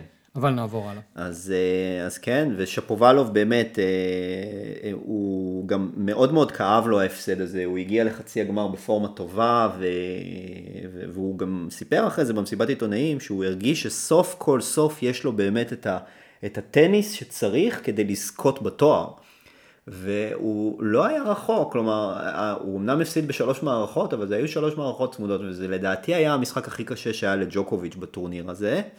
זה ככה במאמר מוסגר, נגיד שג'וקוביץ', בניגוד לרולנד גרוס האחרון, הייתה לו דרך יחסית קלה, לפחות עד לגמר, לפחות עד לחצי הגמר, סליחה. הוא היה צריך לעבור בדרך את... אה, דרייפר, אנדרסון, אה, קודלה, גרין ופוצ'וביץ', אז כלומר לא מההגרלות הקשות שלג'וקוביץ' היו בגרנד סלאמים, אבל שוב זה לא בא להפחית במאומה מההישג. אמ, אז אה, שפובלוב אני חושב יכול לצאת אה, עם ראש מורם, למרות שהוא יצא בדמעות מהמשחק הזה מול ג'וקוביץ'. אה, אה, אה, זהו, הוא סיפר שם עוד איזה משהו יפה ככה, ש... ש... שהרשים אותי, זה דווקא לזכותו, ש... שוב לזכותו של ג'וקוביץ', לא דווקא. שסיפר שג'וקוביץ' ניגש אליו בחדר הלבשה לאחר המשחק, ובא אליו ועודד אותו ואמר לו, תשמע חביבי, אתה, אנחנו עוד נראה ממך הרבה ו... ותרים את הראש וכל הכבוד לך, ואתה יודע, וכאילו, וזה, הוא אמר גם, הוא לא היה חייב לעשות את זה והוא עדיין מצא לנכון לבוא ו... ולהגיד לי את הדברים האלה, וזה לא שזה עכשיו מצולם וזה באור, באור המצלמות וכולי. ג'וקוביץ' עושה את זה כי הוא באמת פשוט בן אדם כזה, ואני חושב שזה משהו שעם כל ה... הקונטרוברסליות של האופי שלו, זה משהו שאי אפשר לקחת ממנו. ובאמת שהוא בן אדם מאוד מאוד אנושי מהבחינה הזאת, והוא אה, אה, לגמרי ככה לזכותו. אה, חוץ מזה היה לנו את אוז'ה אליאסים, גם כן עם פריצת דרך. אה, הפסיד ברבע הגמר לברטיני. אמ, וניצח בשמינית הגמר את זוורב, גם בחמש מערכות, וגם עבורו זאת הייתה פריצת דרך, ולמרות כל, כל אה, כמה שאנחנו מסתלבטים עליו, על המאזן שיש לו בגמרים בסבב, 0 מ-8 ו-0 מ-16 במערכות, אז אה, אני חושב שהוא עשה פה אחלה טורניר. והוא גם uh, צריך לצאת, הוא ובכלל קנדה צריכים לצאת עם הראש מורם מהטורניר הזה. אה, ובריט... צריך להגיד גם לפליקס הייתה בכלל עונת דשא ממש טובה. נכון. נכון. כלומר באליפות צרפת שם הוא הפסיד בסיבוב הראשון, שטוטגארט העפיל לגמר, הפסיד לצ'יליץ', האלה, טורניר 500 חצי גמר, הפסיד בגמר השלישית, כן. ניצח את פדרר בהאלה, נכון, הגיע לחצי הגמר, הפסיד להומבר שנתן שם טורניר גדול, גם אה, אגב העפיל אה, לגמר הזוגות שם, ואז רבע גמר בווימבלדון, הגרנד סלאם הכי טוב שלו עד כה. כן. ו... אני, אני עדיין מאמין בו. אוקיי, והורקאץ', אני חושב, הוברט הורקאץ', זה האזכור האחרון שלנו לגברים. אה, גם כן אה, תצוגה נהדרת, ביום וחצי הוא ניצח חמש מערכות מדניל מדוודב ורוג'ר פדרר. אה, לא הפסיד כמעט גיימים ב... ב... בשני המשחקים, ב... ביומיים האלה. הייתה שם הפסקת גשם ביום שני, והם המשיכו לשחק ביום שלישי, שזה גם היה סיפור בפני עצמו, שהחליפו להם מגרש, וכולי וכולי, אבל לא ניכנס לזה כי מפאת קוצר זמן. אמ, אבל אה, מדוודב אכזב, הוא פשוט לא הופיע ל... ליום השני של המשחק הזה. והורקאץ' לקח את ההזדמנות בשתי ידיים, והוא אה, הפולני השני אחרי ארזי ינוביץ' שמעפיל לחצי גמר ווימבלדון. אה, אחרי שניצח כמובן את פדר במשחק שכבר דיברנו עליו לא מעט, אבל עם כל מה ש... עם כל הסיפור של פדר צריך גם בהחלט לבוא ולהגיד, הורקאץ' היה שם בשביל לקחת את המשחק הזה, והוא שיחק באמת נפלא, הוא פשוט שיחק נפלא, ואני... הוא אחלה שחקן וגם עושה רושם של אחלה בן אדם, ואני בהחלט מקווה שנראה ממנו, ממנו כן. עוד בעתיד. כן, כל מי שמדבר עליו על הורקאץ' אומר ש... שהוא האדם הכי נחמד בסבל. רואים את זה גם במסיבות עיתונאים, כאילו בריאיון אחרי המגרש, אתה פשוט רואה שהוא כאילו היה לו לא נעים שהוא ניצח את פדרר, כאילו, והוא כזה כולו מחייך וכולו זה, אבל הוא כזה ממש נחבא אל הכלים, ובאמת רואים עליו, כאילו, רואים בעיניים שלו שהוא באמת בן אדם נחמד, לא צריך כאילו יותר מדי אה, ניתוחים אה, פסיכולוגיים פה בשביל לראות את זה. אני כל פעם מתפלא מחדש מכמה החבר'ה בסבב הם אנשים, כן, חומר אנושי ברמה גבוהה. אני רציתי גם להגיד מילה על מדוודב, כן, שמדוודב, באמת אה, הזכרת את, ה, את השערורייה הקטנה הזאת, כן, שהורידו אותם ממגרש 2, שלחו אותם הביתה, יום אחרי זה העלו אותם על הסנטר קורט, אמ, ואני מניח שמי שזה מעניין אותו כבר קרא על זה באינטרנט והתעצבן וכל זה, אבל מדוודב אחרי ההפסד, כן, הוא עלה שם ב, ביתרון 2-1 במערכות, שיחק כמו תחת על הסנטר קורט אחרי שהם עלו לשם. שהוא אגב לא עלה לשם כל הטורניר, למרות שהוא דורג שני. אמ, ו- והפסיד שם באמת אה, יחסית לעצמו באופן אה, די אה, נוראי. ואחרי המשחק הוא אמר, אין לי שום תלונה לאף אחד, אני רק מאוכזב מעצמי שלא שיחקתי איתו, וכל פעם באמת אני מופתע מכמה החבר'ה האלה בוגרים, לוקחים אחריות, אני, אני תמיד שומע כל מיני חצאי רעיונות מ... מאמני כדורגל וכל מיני דברים כאלה. עכשיו, באמת, זה ענפים שונים, ובאמת, לא יודע, החלטות שיפוט הרבה יותר קריטיות בכדורגל וכל זה, אבל בפסיכולוגיה קוראים לזה מוקד שליטה פנימי, כן? השחקנים האלה שלוקחים אחריות על עצמם ולא מטילים את האשמה לכל עבר, איך שהם מתייחסים למשחקים, איך שהם מפרגנים ליריבים, אה, באמת, כלומר, הספורט בשנים האחרונות, ואגב, גם זו מורשת פדר ונדל, כי זה לא תמיד היה ככה. לגמרי, מה שרציתי להגיד. אה, כן. פשוט אנשים אצילים, אחראים, בוגרים. כל פעם זה מרשים אותי ו- ומרגש קצת. בהחלט. אמ, טוב, ובנימה אופטימית זו, באמת אופטימית, סוף כל סוף, אה, נעבור לנשים, נמרוד. כן, היה טורניר נשים, אני חושב שבאמת אחרי אליפות צרפת אנחנו דיברנו בפודקאסט ו- וזה היה קצת כזה, בוא נספיד את uh, סבב הנשים ומה שקורה פה הוא באמת עם כל כמה שאנחנו אוהבים טניס וזה ו- והסיפור המרגש שלה וכל זה, נו, קרייצ'יקובה זכתה באליפות צרפת ואתם רוצים שנתלהב מזה, זה קשה. Um, אבל טורניר הנשים בווימבלדון היה סיפור לגמרי שונה. אה, המדורגת ראשונה בעולם ובטורניר זכתה בתואר, המדורגת שנייה הגיעה לחצי הגמר, בכלל כל השחקניות שהגיעו לחצי הגמר הן טניסאיות אה, מאוד מוכרות, עם הישגים, אה, שתיים מהן אלופות גרנד סלאם, עוד אחת הגיעה לגמר, עוד אחת אוכלת תארי אלף, המקבילה הנשית לטורנירי מאסטרס החל מהשנה, לפני זה זה היה פרמייר חמש ופרמייר חובה ו... באמת סבב הנשים עשה עבודה כל כך נוראית במיתוג של עצמו, שאני מתקשה לעכל את זה עד עכשיו. אה, אבל זה, that's beside the point. בכל מקרה, אה, טורניר נשים שהיה אה, מאוד מעניין, ואני חושב שגם תודות לסיפור הזה, אנחנו... באמת הרבה יותר אנשים הביעו עניין. אני חושב שראינו יחס ישיר בין, בין המעמד הרם של הטניסאיות שהגיעו לשלבים המאוחרים ובין העניין של הקהל. כלומר באליפות צרפת ראינו אצטדיונים ריקים לגמרי בחצאי הגמר, אנחנו עכשיו ראינו full house בגמר, בחצאי הגמר, אה, שלל סלבים שמגיעים. אה, אני חושב שזה לא היה רק בחצאי הגמר, אני חושב שגם אונס ג'בור לצורך העניין די שבתה את, את לב הקהל, אני כמובן לא מדבר על על אה, רדוקנו המקומית, כן, שזה בסדר, גם אם בריטית הייתה, אתה יודע, משחקת אה, טניס אה, בלי להעליב כמו אנס משנובה, אז גם היו מתלהבים, כן, זה לא קשור רק לאיכות של הטניס וכל זה, אבל באמת היה, היה הרבה עניין, היה הרבה כיף, וגם חצי הגמר והגמר היו משחקים טובים. באמת ברמה, כלומר הטניסאיות הטובות והמנוסות האלה שהגיעו לשלבים המאוחרים גם הצליחו לספק את הסחורה. ולשחק טניס טוב, ו, ובאמת, אני חושב שהיה טורניר מוצלח. נדבר קצת על מה שקרה בפועל, לא רק על, ה, על ה zoom out הזה, אז אשלי ברטי אה, זכתה בתואר לאורך כל הטורניר, היא הפסידה רק בשתי מערכות. המערכה הראשונה אפשר אפילו להגיד שזה היה, אני לא אגיד שזה אקט חברי, כן, אבל היא הפסידה מערכה לקרלה סוארז נברו בסיבוב הראשון, ברגע מאוד מרגש כשלעצמו, סוארז נברו שהתגברה על סרטן. וחזרה למגרשים אה, כדי לפרוש בתנאים שלה, והיא ניצחה שם במערכה השנייה, אחר כך המערכה השלישית הייתה כזה לפרוטוקול, אבל, אה, והמערכה הבאה שברטי הפסידה בה הייתה בגמר מול פלישקובה.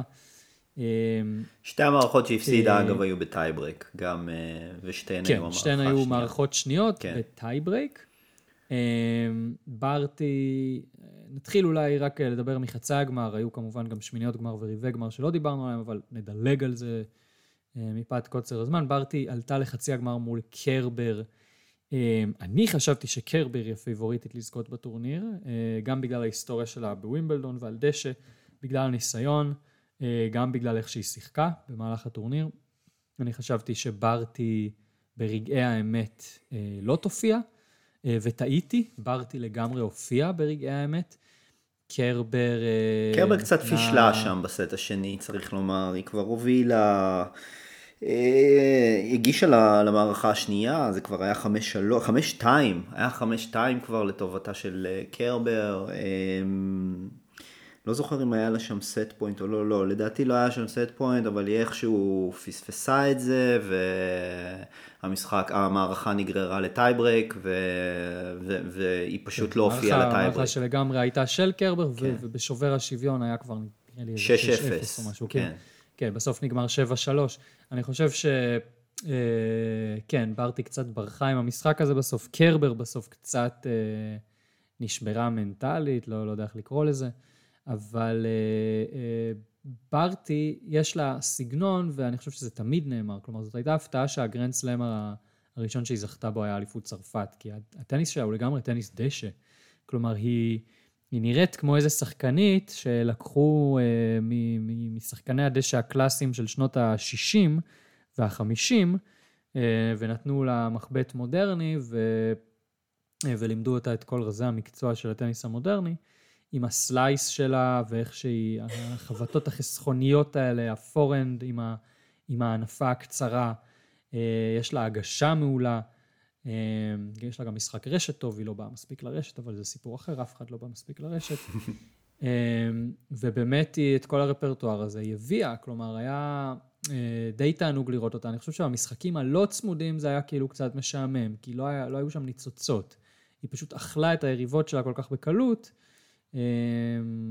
היה, היו משחקים צמודים, כן, מול קרייצ'יקובה, היה מערכה של 7-5, מול סיניאקובה, 7-5, בסדר, אבל בגדול אה, כאילו לא היה עניין, אה, לא היה מתח במשחקים, ואז הקלילות הזאת שלה, היא הייתה כאילו לא מעניינת. אבל בסוף יש לה טניס די מדהים. הוא מאוד מאוד מאוד נקי. אה, בסבב אנשים, הרבה מאוד מהטניסאיות, בטח פליסקובה וסבלנקה, את הניסיות של הרבה מאוד טעויות, הרבה מאוד ללכת על הקווים, הרבה, אתה יודע, מין ריטרנים כאלה של אה, ללכת על, אה, על ווינר ועל הפינה וכל הדברים האלה. וברטי מאוד בשליטה, מאוד uh, משחקת טניס חכם כזה, מחושב, שקול, לא הגנתי, היא בכלל לא שחקנית הגנתית, אבל הוא כאילו לא... וואו. אז ברטי העפילה לגמר, חצי הגמר השני באמת, כמו שאמרתי, היה בין uh, מפגיזות. Uh, פלישקובה, uh, שחקנית uh, באופן יחסי, אני חושב, אפשר לומר, מושמצת. Uh, אחת מהשחקניות שהייתה הראשונה בעולם בלי לזכות בגרנד סלאם, uh, שזה תמיד uh, מין דבר כזה שאוהדים לא אוהבים. ספינה ו... וווזניאקי היו הקודמות. וווזניאקי, כן. והיו היו, היו עוד, כלומר, אה, גם אה, ספינה. ספינה, אמרתי. גם, אמרת ספינה, סליחה, אז לא שמעתי. אה, והיו גם כאלה ש, שזכו בגרנדסלאם בשלב מוקדם בקריירה, אבל אחר כך היו ראשונות בעולם בלי לזכות כמה שנים, לצורך העניין דוונפורט. בקיצור, זה היה, זה משהו שדי, הוא לא כזה נדיר בסבב. אבל פליסקובה גם, בדיוק, היא, היא הייתה בטופ 10 איזה כמעט חמש שנים ברציפות, והיא נפלה מהטופ 10 בדיוק לפני ווימבלדון. כלומר, אני חושב שהציפיות ממנה היו הכי נמוכות שהן היו בכל גרנדסלאם, שהוא לא אליפות צרפת מזה כמה שנים. אבל היא הגישה נהדר לאורך כל הטורניר. ובחצי הגמר מול סבלנקה היא הפסידה במערכה הראשונה. אבל היא התעלתה והצליחה לחזור ולנצח אה, בשתי המערכות הבאות. כן, שהיא באמת לא נשברת בהן, לא, לא בשנייה ולא בשלישית, ובראשונה גם נשברה רק פעם אחת בסוף המערכה. אפרופו כן, הרגשות שלה. כמובן, אה, סיימה את הטורניר עם הכי הרבה אייסים מכולן, 60. וואו. אגב, שלוש מבין המעפילות לחצי הגמר ומעלה, הן גם אה, אה, מלכות האייסים של הטורניר בפער מאוד גדול, כלומר פליסקובה סיימה עם 60, ברטי עם 53, למרות שכאילו ההגשה של ברטי לא מדוברת בכלל ברמה של ההגשה של פלישקובה, אבל הנה כמה היא כן יעילה, וסבלנקה השלישית עם 52 אייסים, אה, שזה נראה לי הממוצע הכי גבוה בטורניר של אייסים אה, למשחק. אה, הבאה אחרי השלוש האלה זה ריבקינה עם 20 אייסים פחות מסבלנקה. הבדל עצום. כן, הבדל באמת מאוד גדול. מכל מקום, אה, סבלנקה, אני חושב, אה, אה, גם טורניר מעולה שלה, כלומר היא שברה פה את תקרת הזכוכית של עצמה, מי שבחיים לא עברה סיבוב רביעי בגרנדסלם מגיע לחצי הגמר, הייתה מערכה מהגמר, ודווקא דשא זה לא המשטח שהיינו מצפים ממנה להצליח בו, כי אין לה עוד את, ה, את הניסיון ואת ה, את, ה, את השעות המשחק על הדשא, דווקא באליפות ארצות הברית, יכול להיות שהיא תגיע אפילו יותר רחוק, בהתחשב באיך שהיא שיחקה עכשיו בווימבלדון. אה, ובגמר, הגמר היה משחק מאוד מעניין, כי הוא התחיל אה, בצורה החד צדדית שהוא התחיל, ברטי זכתה ב-14 הנקודות הראשונות, ו-3-0, 30-0, כן, לפני שהספקנו למצמץ בכלל, ופליסקובה חזרה למשחק הזה במאמץ רב, כלומר כבר במערכה הראשונה היא הצליחה לעשות מזה מאץ', במובן הזה זה טיפה מזכיר את המערכה הראשונה בין נדל וג'וקוביץ' מחצי הגמר בצרפת, אה, שג'וקוביץ' בסוף הפסיד בה, אבל אחרי שהוא הצליח לחזור לעניינים ולכפות אה, דינמיקה שונה. אה, ופליסקובה גם פיגרה במערכה השנייה, 3-1, כלומר היא פיגרה 6-3-3-1, 30-0 גם נדמה לי במשחקון החמישי. ובכל זאת הצליחה לחזור, כלומר לשבור את, את ברטי, שברה אותה כמה פעמים בטור, במשחק הזה, חזרה, כפתה שובר שוויון, ניצחה בשובר השוויון. במערכה השלישית, אני חושב שפשוט ברטי היא שחקנית יותר טובה. זה קצת אה, מזכיר את הגמר של, אה, של ג'וקוביץ' וברטיני, סבבה, ברטיני מגיש מאוד חזק וחובט מאוד חזק וכל זה, טוב ויפה, אבל בסוף כשברטי משחקת את הטניס שלה, אה, עם כף היד הבאמת, כמו שאמרתי, נהדרת, חסכונית, גם לפליסקובה יש כף יד, אה, חבטת כף יד נהדרת, אבל אה, ברטי יודעת פשוט לעשות איתה יותר. ה slice הזה שהשאיר את פליסקובה, תמיד אומרים, לא שיחקת טוב על הדשא אם הברכיים שלך לא מלאות בדשא. כן, אם הברכיים לא ירוקות, אז הברכיים של פליסקובה נראה לי היו לגמרי ירוקות אחרי המשחק, כי, כי ברטי הורידה אותה לברכיים עם ה slice הנמוך שלה. לישקובה היא טניסאית גבוהה כמובן, מטר אה, שמונים ושש, נדמה לי, משהו כזה. גובה יחסית חריג בסבב. אמ, כן, ובסופו של דבר ברטי, אני חושב, אלופה סופר ראויה, אלופה הכי אה, כאילו שמתלבשת לנו כזה, כלומר אנחנו כן, כזה, כן, זה הגיוני שהיא זכתה בגרנדסלאם הזה, וזה מה שהיינו מצפים לו. אמ, כן, החצאי גמר והגמר אני חושב היו פחות מפתיעים משאר הטורניר, שכאילו התפתח אה, יחסית, כאילו, אמ, אולי ההפתעות בשלבים הראשוניים של הטורניר היו זה שבעצם לא היו הפתעות, כלומר שהשחקניות המובילות אה, באמת אה, הגיעו סוף כל סוף, התייצבו ו... הופיעו והגיעו לשלבים המאוחרים. ו... כן, תראה, היו, היו הפתעות במהלך הטורניר, במובן שטניסאיות בכירות הפסידו, כן? אני, אתה מסתכל קצת על הזהות של הטניסאיות האלה ואתה אומר, טוב, זה לא הפתעות מרעישות. סוויטולינה דורגה שלישית בווימבלדון, ואני לא חושב שמישהו ציפה מסוויטולינה, בטח לא השנה, אה, לעשות פה איזה משהו. אנדריאסקו דורגה חמישית, ו... ואני לא חושב שאני. מצפה ממנה. סרינה וויליאמס, קרה מה שקרה ל... לסרינה וויליאמס. קנין, כן, שם, גם פשוט קנין, לא עלתה למשחק, בוא- כן. זה- כן, היא גם לא, לא שחקנית דשא, אני חושב ששוויונטק היה, היה איזה שלב שחשבנו שהיא תגיע רחוק, ואז היא הפסידה שם לג'בור, בשלוש מערכות, אה, כן. שזה, ג'בור בעיניי, כאילו אולי ה... היא הסיפור. חוץ מ... כן, זה סיפור. כן, חוץ מהטניסאיות הבכירות ו- וזה וכל זה, ג'בור היא לגמרי הסיפור, הפיל גוד של הטורניר, כי אני חושב שגם יש פה את, ה... את המימד התרבותי ההיסטורי, זה, זה מזכיר לי טיפה כמו שלי נא פרצה, Hmm. אה, ואמרנו, וואו, כלומר, יש לנו אה, אה, סין, אה, סין על המפה של הטניס העולמי עכשיו, אה, וכמה זה נהדר אה, וכל זה. ב-NBA אולי הם יודעים לספר לנו אחרת, אבל לא משנה. אה, אבל, אה, ועכשיו הסיפור עם ג'בור, הערבייה המוסלמית אה, הראשונה ב- ברבע גמר ווימבלדון, היא כמובן כבר העפילה בעבר, בעצם העפילה כבר, לשנה שעברה, סליחה, לרבע הגמר באוסטרליה. Mm. אז זה לא, זה לא רבע גמר ראשון בכלל בגרנדסלאם, אבל זה רבע גמר ראשון בווימבלדון, שבכל זאת הנראות היא יותר גדולה.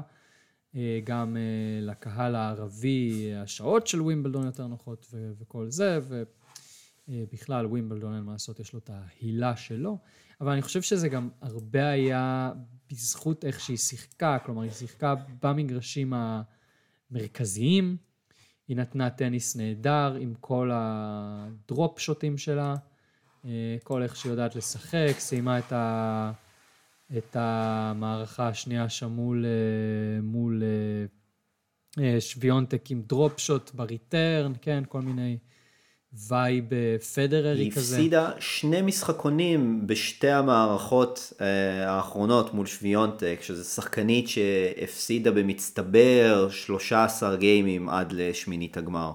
ו... וב- כן, לא, הצפייה במשחק הזה אה, הייתה, כלומר, אני, אני בעד שוויונטק, כן, אני לא, לא כל כך, אני לא מסתיר את זה, אני מאוד מחבב אותה ומאוד רציתי שהיא תנצח, אבל הצפייה בג'בור הייתה כיפית, היה כיף לראות אותה. תשמע, היא, היא חוותה שם חבטות, באמת, כמה חבטות סופר, כאילו, מצחיקות, שאתה בדרך כלל רואה בסבב הגברים, כלומר, כזה רלי מהקו האחורי, פתאום בום, היא שמה פורנד בפינה, פלט כזה, חצי קיריוס. ווינרים לאורך הקו, והדרופ שוטים, והמשחק רשת, יש לה הגשה נהדרת. אה, טניסאית ש... שתענוג לצפות בה. אה, גם היה משחק מולה מול מוגורוזה. בסיבוב השלישי, וגם היא נתנה פייט. ברבע הגמרים, כי שם היא הייתה נראית לי גם טיפה גמורה פיזית, אה, אחרי השבוע הזה. אבל אה, באמת, feel good, הטניס שלה תפור על דשא, ככה שאני אני לא יודע אם נראה אותה משחזר את ההצלחות האלה עכשיו כל הזמן. אבל וואלה, היה, היה, היה כיף לצפות בה. חבל שזה נגמר רק ברבע גמר, אבל היו לנו גם אחלה חצי גמר וגמר, אז לא נורא. טוב, אמ, אנחנו כבר אה, מדברים הרבה, ואני חושב שהגיע הזמן שנעבור לשאלות של המאזינים שלנו. אה, ויש לא מעט שאלות, ושאלות טובות, על חלקן כבר דיברנו, אז לא נחזור על מה שדיברנו, אבל אה, שאלה... היום תפתיע אותי, אני לא קראתי את השאלות בכלל, אז אני לא... בסדר לא גמור, מה- אז, מה אה, הולך להגיע. כן, אז, אז שאלה על נושא שרצינו לדבר עליו ואיכשהו כזה דילגנו עליו, אז, אה, אז, אז תודה אמיתי על השאלה הזו. אמ, אז רגע, שנייה לפני זה, קודם כל, אה, גיל שואל, אשמח לשמוע את דעתכם על כך שג'וקוביץ' שוקל אולי לוותר על האולימפיאדה, ואז אמיתי ממשיך את השאלה ומבקש שנביע את דעתנו על חשיבות האולימפיאדה ברמת הסטטיסטיקה ובעיניים של הטניסאים. איפה הייתם ממקמים אותה בציר של ההישגים החשובים שטניסאי יכול להשיג? אוקיי, אז זה שתי שאלות מצוינות, אז אה, אה, אני אגיד את דעתי, תגיד אחרי זה דעתך. אה, אז קודם כל לגבי ג'וקוביץ', אז אה, אני חושב שאם עד לפני שבועיים היה, לי לפחות לא היה ספק שהוא כן השתתף באולימפיאדה כדי לנסות באמת להשיג את הגולדן סלאם, ולא רק את הגולדן סלאם, כאילו האולימפיאדה כרגע זה הדבר היחיד ברזומה ה super duper שמופר מפואר שלו, שעדיין הוא לא זכה בו. וג'וקוביץ', פטריוט, סרביה וזה, מי יעלה על הדעת שהוא יוותר על האולימפיאדה? אבל אז, אה, לא יודע, אז הוא זכה בווימבלדון, ואני מניח שזה קצת התיש אותו מנטלית, והוא רואה עכשיו לנגד עיניו את, אה, את ניפוץ הגרנד סלאם, את, את מספר, את, את ניפוץ ה-20, ולעמוד לבד בפסגה. ולעשות את זה בשנה שבה הוא זוכה בכל ארבעת התארים באותה שנה, בגרנד סלאם. אה, ובנוסף גם הודיעו לו שאין קהל, ולא הודיעו לו, הודיעו בכלל, שאין קהל, ושהצוות שלו מוגבל, והוא ציין במסיבת עיתונאים את ה stringer שלו, מסתבר שזה משהו שמאוד חשוב לו לנסוע עם ה stringer שלו ביחד, שהסטרינגר שלו לא יכול לבוא איתו. והוא פתאום היה נשמע כזה קצת uh, second guessing, ו... אז, אז uh, אני לא יודע, אני הייתי אומר כרגע שזה 50-50, uh, אה, לא יודע, זה נראה כאילו פדרר וג'וקוביץ' מחכים אחד לשני לראות מי יישבר קודם ומי יודיע שהוא לא משתתף, ואז השני ידיע שהוא יחליט שהוא כן משתתף. Uh, אבל חוץ מג'וקוביץ' אנחנו ראינו פרישות נוספות, נדל כבר מזמן הודיע שהוא לא השתתף, שפובלוב אחרי חצי הגמר. גם כן, שחקן שמאוד מאוד חשוב לו לייצג את קנדה, ושייצג אותה בדייוויס, והודיע שאין, גדול עליו כל הסיפור הזה עכשיו, של להיות עוד פעם בבאבל, ולהיות עוד פעם ב... עם הגבלות וכל זה. אנשים כבר עייפים מזה, גם אנחנו, פשוטי העם, כבר עייפים מזה, וזה כבר יצא לנו מכל החורים. אז גם להם אותו דבר, ולמרות שלהם כביכול התנאים קצת יותר קלים, אז עכשיו לבוא ולהיות שבועיים ב... בטוקיו, בסוג של בועה. זה לא משהו שקוסם להם כל כך, בלי המשפחות, בלי זה, אני בטוח שזה משהו שפדר וג'וקוביץ' גם כן חושבים עליו, שהם לא יכולים להיות עם הילדים שלהם, לא יכולים להיות עם הנשים שלהם. זה שיקול, ו... ולגבי אה, מה שעמיתי כתב, אני חושב שיש לזה חשיבות כן מאוד גדולה, ואני לא אומר את זה רק בגלל שנדל הוא היחיד מבין השלושה שכן זכה בזהב אולימפי ביחידים. אה, נדל גם זכה בזוגות, אבל גם פדר זכה בזוגות. אה, ולג'וקוביץ' יש מדליית ארד, ולפדר יש כסף ביחידים. אני כן חושב שב... לא יודע, מ-2008, לפני כן אני לא ממש יודע, אולי אתה תדע להגיד יותר. אני חושב שזה בהחלט טורניר מאוד מאוד חשוב לשחקנים. אמ, זה גם סוג של הזדמנות חד פעמית, כי יש את זה רק פעם בארבע שנים, או במקרה שלנו עכשיו פעם בחמש, ואנשים רוצים כאילו לתקוע יתד גם שם. ו... אה, בהחלט לא חושב שזה טורניר שאפשר ככה לנפנף אותו מהמדרגות כתואר לא חשוב, אני בהחלט חושב שזה תואר חשוב, ו... ואני בטוח שג'וקוביץ' מאוד מאוד מאוד מתחבט בשאלה הזאת, אם, אה, אם כן לנסוע לשם או לא לנסוע לשם. איפה הוא מדרג את זה בחשיב... בציר של ההישגים החשובים? זה מן הסתם לא חשוב כמו גרנד סלאם, הייתי אומר, אבל אני גם לא הייתי אומר שזה פחות חשוב ממאסטרס, אה, הייתי אומר שזה יותר חשוב ממאסטרס. אה, הייתי אומר איפשהו בין מאסטרס לסלאם, שם הייתי שם את זה. זהו, חפרתי. כן, חפרת לגמרי, לא, סתם. אה, כן, לא, תראה, לגבי ג'וקוביץ' וזה, כן, אני חושב ש... הדברים אה, נכונים ונאמרו על ידו.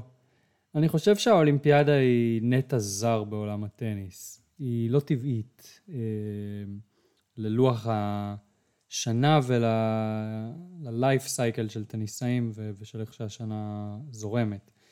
אה, הטניס נכנס לאולימפיאדה בשלב מאוחר. 88, נכון? ב- כן, ב-84 זה היה כספורט ניסיון, כאילו לא חילקו מדליות, היו פעם דברים כאלה, אני לא יודע אם גם היום יש. אה, וב-88 זה נכנס אה, לאולימפיאדה. ובאמת, אני חושב שהיו את הניסאים שזכו באולימפיאדה ואומרים שזה רגע... סופר חשוב בקריירה שלהם, גם טניסאים אה, עם הרבה הישגים, כי הניקולס מסו, ברור שהוא יגיד שזה הרגע הכי חשוב בקריירה שלו, הוא לא עשה שום דבר אחר שמתקרב לזה. אה, מדליסט הזהב כמובן מאתונה 2004, אבל גם אה, לצורך העניין אנדרי אגסי, שזכה באטלנטה ב-96, ומרי, אה, וראינו כמה זה חשוב לנדל, וראינו גם את התגובה של ג'וקוביץ' אחרי שהוא הפסיד לדל פוטרו, ודל פוטרו בכלל עם הריצה שלו בריו, אין ספק שיש איזשהו חיבור רגשי מאוד עמוק. כן, סוג של כן, דייוויס. כן, כן, אה, זהו, אז, אז זאת באמת השאלה, האם זה פשוט עוד איזו שלוחה של גביע דייוויס שהיא טיפה שונה מבחינת חשיבות וכל זה. אני באופן אישי לא חושב שזה מבחינה מקצועית טורניר חשוב. אמ, אני חושב ש... תראה, באמצע העונה, עונה ש... שכולם יודעים איך מתכוננים, ואחרי ווימבלדון ולפני אליפות ארה"ב, פתאום תוקעים לך טורניר שהוא יכול להיות ביבשת לא קשורה בעליל, כן, עכשיו זה בטוקיו, זה, אני לא יודע כמה זה, זה 12 אזורי זמן מניו יורק. אמ, אה, רחוק מאוד משם, משבש את ההכנות, הרבה טניסאים לא יגיעו. אמ, גם בריו, שבריו לא הייתה קורונה, כן, הגיעו רוב הטניסאים, אבל לא כולם. אמ, אגב, גם לא הדירוג העולמי נטו קובע מי יגיע לשם, כן? יש טניסאים שלא יכולים להגיע בגלל כל מיני קריטריונים של אה, מספר משתתפים למדינה וכל מיני דברים בסגנון הזה. אין נקודות דירוג. היו נקודות דירוג, נדמה לי, ב-2012, אני, אני לא זוכר כבר, אה, הייתה איזה שנה שהיו נקודות דירוג, ואז אגב ניתנו, אם אני לא טועה, משהו באזור ה-80 נקודות דירוג, כאילו איפשהו באמצע בין uh, טורניר 500 למאסטרס. ואין פרס כספי כמובן. Uh, זה מאוד אינדיבידואלי, אני מרגיש. כלומר, אני זוכר שדומיניק טים לא שיחק בריו, אמ, וגונטר ברזניק, המאמן שלו, אמר אז ש... שלא יטיפו לנו על זה שהוא צריך לשחק, אני לא יכול לשמוע את הזבל הפטריוטי הזה. כן? אז, אז באמת, אני, אני חושב שזה גם טניסאים אמריקאים, אני חושב לא טסו לריו, הם העדיפו להתחרות ב, באטלנטה, שהיה אז באותו שבוע, טורניר 250 כזה. אז זה באמת, אף אחד לא חולק על החשיבות של גרנד סלמים, ואף אחד לא חולק על החשיבות של אליפות סוף העונה ומאסטרס, ויש כאלה שחולקים על החשיבות של האולימפיאדה. אמ, אני מרגיש באמת שזה אינדיבידואלי, זה, זה, זה קצת זר לטניס, וקשה לי לדרג את זה כאיזה משהו שמכריע קריירות, כן? אני חושב שעכשיו, בגלל כאילו שיש את הסיכוי ל golden slam, אז כאילו, כאילו המדליית זהב חשובה. אבל וואלה, אם ג'וקוביץ' יפרוש מהאולימפיאדה ויזכה באליפות הברית, באמת, שאם זה היה גרנד סלאם, סתם גרנד סלאם או golden slam, למי אכפת? כאילו, באמת, זה לא... מקצועית, אמיתית, זה לא, לא נראה לי נורא חשוב. זה יותר בשביל ה... לא יודע, רגשות ו- ופיקנטריה בעיניי. אבל עובדה שהם אה, כן מתייצבים, ועובדה שזה כן חשוב להם. כאילו, לא יודע. כן, ככה. לא, אני, אני לא אומר שזה לא חשוב. אני, אני, אני חושב שהאולימפיאדה חשובה. אני חושב שבתור טניסאי, הסיפור הזה שהיא מתקיימת פעם בארבע שנים. אמ, ובענפים אחרים מתכוונים לאולימפיאדה, כי האולימפיאדה היא משהו חשוב. בטניס, מי שבמקרה בכושר, באותו חודש בשנה, אז הוא ייקח, ומי שלא, אז לא. החשיבות של האולימפיאדה היא לא כמו החשיבות של האולימפיאדה בענפים אחרים. ברור שזה תואר גדול ויוקרתי וחשוב, איפה הוא בדיוק בסקאלה, אני לא יודע. איפשהו באזור של, אה, כן, משהו כמו טורניר מאסטרס משודרג, אני יודע, משהו, משהו באזור הזה. טוב, אה, נמשיך. אמ, אוקיי, אז הרבה דברים אה, ענינו, מה הסיכוי של ג'וקוביץ' לקחת את הגרנד סלאם השנה? אה, סיכוי גבוה מאוד. אמ, משהו קטן באמת פה מעניין, אז הרן מבקש מאיתנו לדבר באמת על ה-turning point הזה ב-2018, אז על זה דיברנו כבר בהרחבה.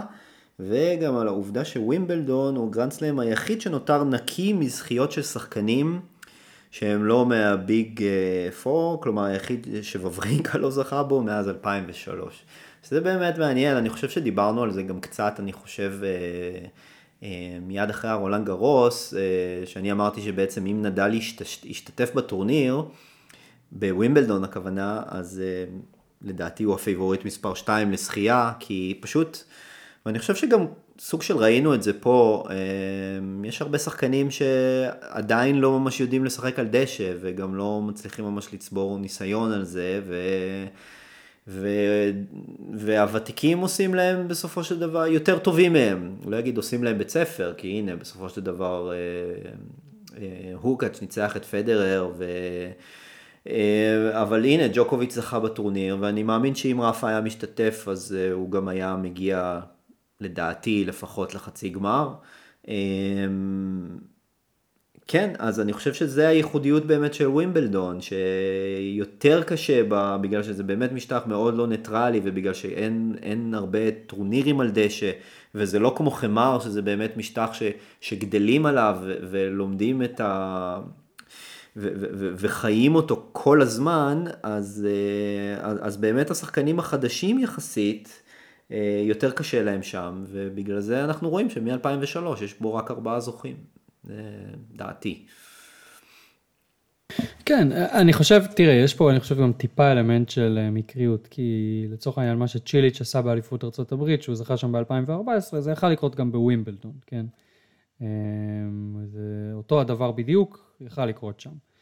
אה, אז זה קצת אלמנט של אה, מקריות, וגם העובדה שוורינקה, באמת הטניסאי, כלומר כמה גרנדסלמים כבר הלכו מחוץ לביג פור, כן? זה כולה וורינקה וצ'יליץ' וטים, נכון? נכון. לא, לא פספסתי לא, מישהו? תל פוטרו, אם אתה, הולך אחורה 12 שנה. אמ, אז זה באמת טיפה, כאילו מקרי, ש, שדווקא הטניסאים האלה, אמ, לא צ'יליץ', טים וווורינקה, אה, דשא זה פחות הקטע שלהם. כאילו וברינקה לא יכול לשחק את הטניס שלו על, אה, על דשא. אז אם, אה, אם היה בא וברינקה כזה שהיה מותאם קצת יותר לדשא, זה היה, זה היה שונה. אז יש פה גם טיפה, אני חושב, באמת אקראיות. אבל, אבל כל מה שאמרת גם בהחלט, אפשר להסביר את זה בזה, אני מסכים. מירי שואלת אה, שלוש שאלות, שעל שתיים מתוכן לשמחתנו דיברנו, על שפובלוב ומי שיכול לעצור את אה, ג'וקוביץ', לא, אין כרגע אף אחד חוץ מהוא עצמו. אה, והשאלה הראשונה שלה היא על אמה רדוקנו והמצוקה שהיא נקלעה אליה. שהיא בגללה נאלצה לפרוש, לא, לא הזכרנו את זה, דיברנו קצת על רדוקנו בפרק הקודם, אבל באמת במניק מנדיי, בשמינית הגמר, היא פרשה אחרי שהפסידה את הסט הראשון. אמ, ואחרי זה היו כל מיני ביקורות על זה שמג'ון מקנרו וכדומה, שאמרו שהיא בעצם לא ידעה להתמודד עם הלחץ. אני לא יודע, כאילו זה לי, אני, אני, אני לא שמעתי את זה במילותיו, אני רק שמעתי שהוא העביר ביקורת כזו ושנורא התרעמו עליו, אבל... כאילו זה בסדר להגיד ששחקן, שחקנית בת 18 לא עומדת בלחץ, זה בסדר, היא תתבגר ועוד שנה שנתיים והיא כן תעמוד בלחץ, זה פעם ראשונה שלה במעמד כזה, כאילו אני לא רואה מה ה big deal פה, כאילו... תראה, אה, תמיד נשאלת השאלה מה היה קורה אם היו אומרים את זה על, האם היו אומרים את זה על, על גבר? שחקן אחר באותו מעמד. אוקיי. תראה, אני אתן לך דוגמה. פליקס אוז'ה אליאסים, בגרנדסלאם הראשון שלו, אני לא יודע אם אתה זוכר, הוא שיחק מול שפובלוב בסיבוב השני, ובאמצע המשחק היה לו, הייתה לו הפרעה ב, ב, בקצב הדופק. נכון, נכון. אה, והוא פרש. למיטב זיכרוני, אף אחד לא אמר שזה בגלל שהוא לא עמד בלחץ. עכשיו, זה לגמרי אנקדוטלי מה שאני אומר פה, כן? זה לא איזה מחקר מעמיק שמשווה את כל המקרים שבהם uh, קרו דברים. ומה הייתה אבל הסיבה הרשמית של רדוקנו לפרישה? זה היה משהו אה, פיזי? כן, אה, אני, אני לא זוכר אם זה היה נשימה, קשיים בנשימה, משהו באזור הזה. אני חושב שעם רדוקנו מה שהיה קצת יוצא דופן זה שהיא ירדה מהמגרש לטיפול רפואי ולא חזרה. ולא ניתנה הסיבה... אה, בזמן אמת. אה, וזה אולי היה מקרה קצת שונה. אני, אני גם, אני נוטה לא, אתה יודע, על, הדבר, על, על, על אמירה כמו של מקנרו, אני לא, לא חושב עכשיו שצריך לעשות עליו עליהום ולהתנפל, ו, ובאמת, זאת לא אמירה בלתי סבירה, כמו אמירות אחרות שנאמרו, נגיד, בטלוויזיה הישראלית. אבל לא ניכנס לזה. אה, זאת לא אמירה בלתי סבירה, אבל אני, אני יכול להבין את ה... את הכעס, אה, יש פה איזה משהו טיפה פטרוני, כן, מגבר אה, מבוגר שאומר לילדה צעירה, נערה צעירה, היא לא עמדה בלחץ, האם הוא היה אומר את זה עם... אה, אם זה היה גבר. אם, אם זה היה גבר, כן, ואני משער שהתשובה היא לא, שהוא לא היה אומר את זה. בסדר, אני, אני נוטה קצת אה, להיות סלחן אה, יותר בקטעים האלה. אה, מכל מקום, אני מאוד מקווה שהיא תשאיר את זה מאחוריה, והחוויה הזאת שהיא עברה בווימבלדון, אה, כמובן תצמיח אותה לקריירה מצליחה ומשגשגת, ושהדבר הזה לא יישאר כטראומה. על פניו לא נראה שזה ישאיר צלקת, כי כבר יום, יום, יום יומיים אחרי המשחק היא כבר התראיינה ונראתה מאוד שמחה ועליזה. טוב, נמשיך. אמ, אה, גיא שואל, טוב, אין פה ממש שאלה, ההחלטה המקוממת להשתמש בקוונים חיים לאחר שנה של Hawk-Eye אוטומטי שעלתה כאן לשחקנים ושחקניות בלא מעט נקודות ברגעים קריטיים בגלל שלא עשו challenge או אם עשו נפסק כדור חוזר למרות שלאחד הצדדים היה יתרון מובהק ב rally. בסדר, אין לזה סוף אבל הרי, כאילו זה, הרי ווימבלדון עושה מה שבא לו, ובסופו של דבר כל אחד מארבעת הסלאמים עושה מה שבא להם, אין אחידות. והחוסר אחידות הזאת, בסופו של דבר יש לו מחיר. והמחיר הזה בזה שקשה לעקוב, ושמתרכזים למה פה זה ככה ולמה שם זה ככה. היי, רגע, אבל אם היה בווימבלדון, אה, כמו באוסטרליה, סט חמישי טייברק ב-6-6, סופר טייברק אה, עד 10 נקודות, אז אולי פדרר היה זוכה בווימבלדון, אם זה לא היה נגרר עד 12-12. נו, ואין לזה סוף אבל לדברים האלה. אז כן, אז ווימבלדון הם טורניר יותר מסורתי, והם החליטו שהם הולכים עם כוונים חיים. ואנחנו לא רואים אחידות בסבב בהיבט הזה בשום צורה שהיא, אז כאילו, אני חושב שמאוד מאוד קשה לבוא בטענות ל... לווימבלדון, כאילו, אז אני לא הייתי קורא לזה החלטה מקוממת בכל אופן. כן, אגב, אה, סתם באמת הערת אגב על מה שאמרת, אין אחידות, אז יש לזה מחיר, אבל יש לזה גם יתרונות.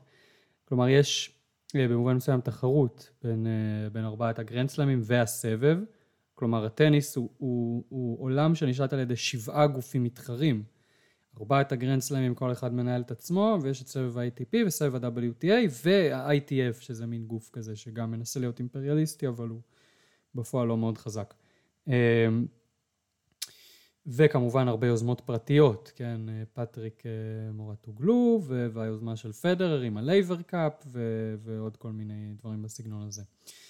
אמ, והרבה פעמים דווקא התחרות הזאת כן יוצרת חדשנות, כלומר אליפות ארה"ב אה, לצורך העניין החליטה לשאת את דגל החדשנות, אה, היא זאת שהכניסה ראשונה מבין הטורנירים הגדולים את הקריאות האוטומטיות.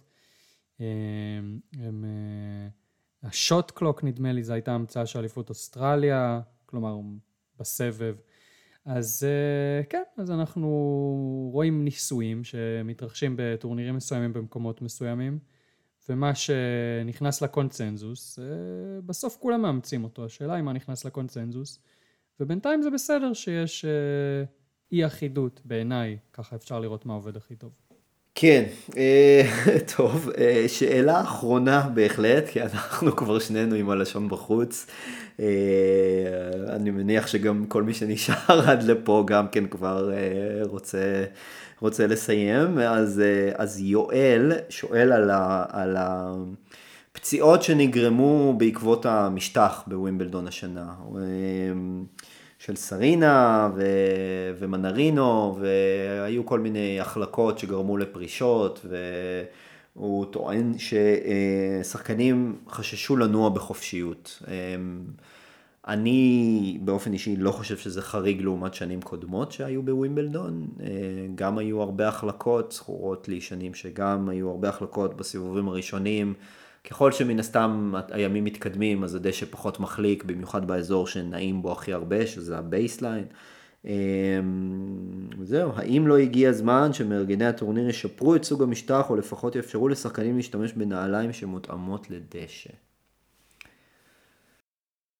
טוב, זה באמת, אה, כאילו, אני, אני תמיד קצת כן, העמדה שלי היא קצת להיות בעד הארגונים האלה ולהגיד, אני בטוח שהם חשבו על זה. כלומר, אני, אני בטוח שזה לא, אתה יודע, שאם היית בא למארגני ווימבלדון עם השאלה הזאת, אתם לא אומרים, וואו, זה לא עלה בדעתנו. תראה, המשטח הדשא הוא לא טבעי לטניס המודרני, כן?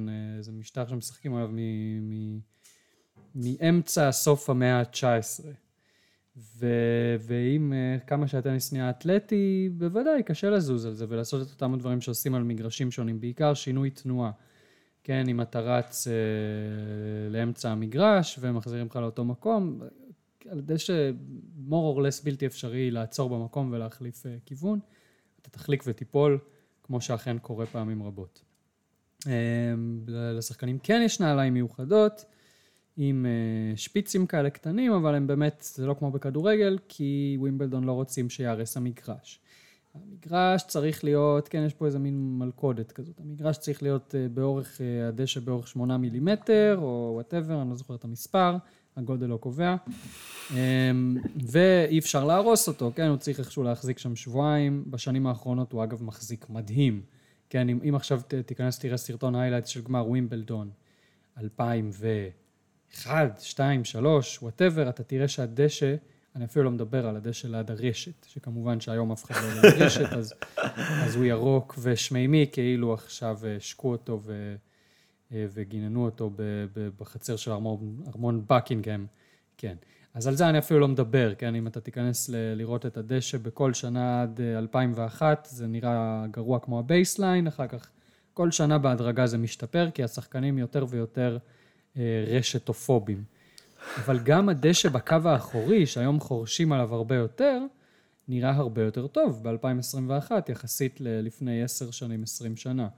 אה, כלומר, בהחלט הטכנולוגיה השתפרה והמשטח היום בהחלט אה, יותר טוב ונשמר יותר. כלומר, הם משפרים שם את הסיפור הזה, וכן, על דשא קשה לזוז, אין מה לעשות. זה חלק מהסיפור, והטניסאים הוותיקים, פדרר לצורך העניין התראיין על זה ואמר, חבר'ה, מה, נו, זה חדש לכם? על דשא קשה לזוז, זה, זה חלק מהקטע. אה, וזה באמת מה שהופך, אחד מהדברים שהופכים את ווימבלדון לטורניר מאוד מאתגר. בנימה אופטימית זו, אחרי, טוב, אנחנו צריכים לערוך כדי לראות כמה זה יוצא, אבל זה יוצא פה איזה פרק מכובד. אנחנו נסיים אותו. נגיד שוב ברכות חמות לאש ברטי, ובמיוחד לנובק ג'וקוביץ' הגדול, חייבים להגיד את זה, נובק ג'וקוביץ' הגדול.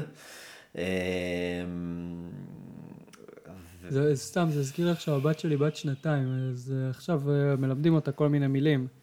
אז אה, שואלים אותה, אני שואל אותה על כל אחד, הוא קטן או גדול? אז אבא שלי קוראים לו ישי, אז סבא ישי. אז הוא גדול. סבא ישי, הוא קטן או גדול? אז היא אומרת, סבא ישי גדול גדול. אז הזכיר לי. רגע, אז מי גדול, מי גדול ומי גדול גדול? כלומר, אתה גדול וסבא ישי גדול גדול? גדול גדול, לא, גדול גדול זה, זה כשהיא במצב רוח המתאים. הבנתי. בגדול אה, יש קטנים ויש גדולים. טוב, אז אה, חברים, תודה רבה, באמת תודה לכל מי שנשאר איתנו עד הלום, אנחנו מסיימים להקליט את זה בשעה 11 וחצי שעון ישראל, ואיזה כיף שאני עוד צריך לערוך את זה הלילה, כדי שיהיה לכם מחר בבוקר פודקאסט מוכן. הכל בשבילכם חמודים. כן. אז תודה, תודה נמרוד, ואנחנו נתראה. לילה טוב לך ארז. תודה. בשמחות. ביי, להתראות.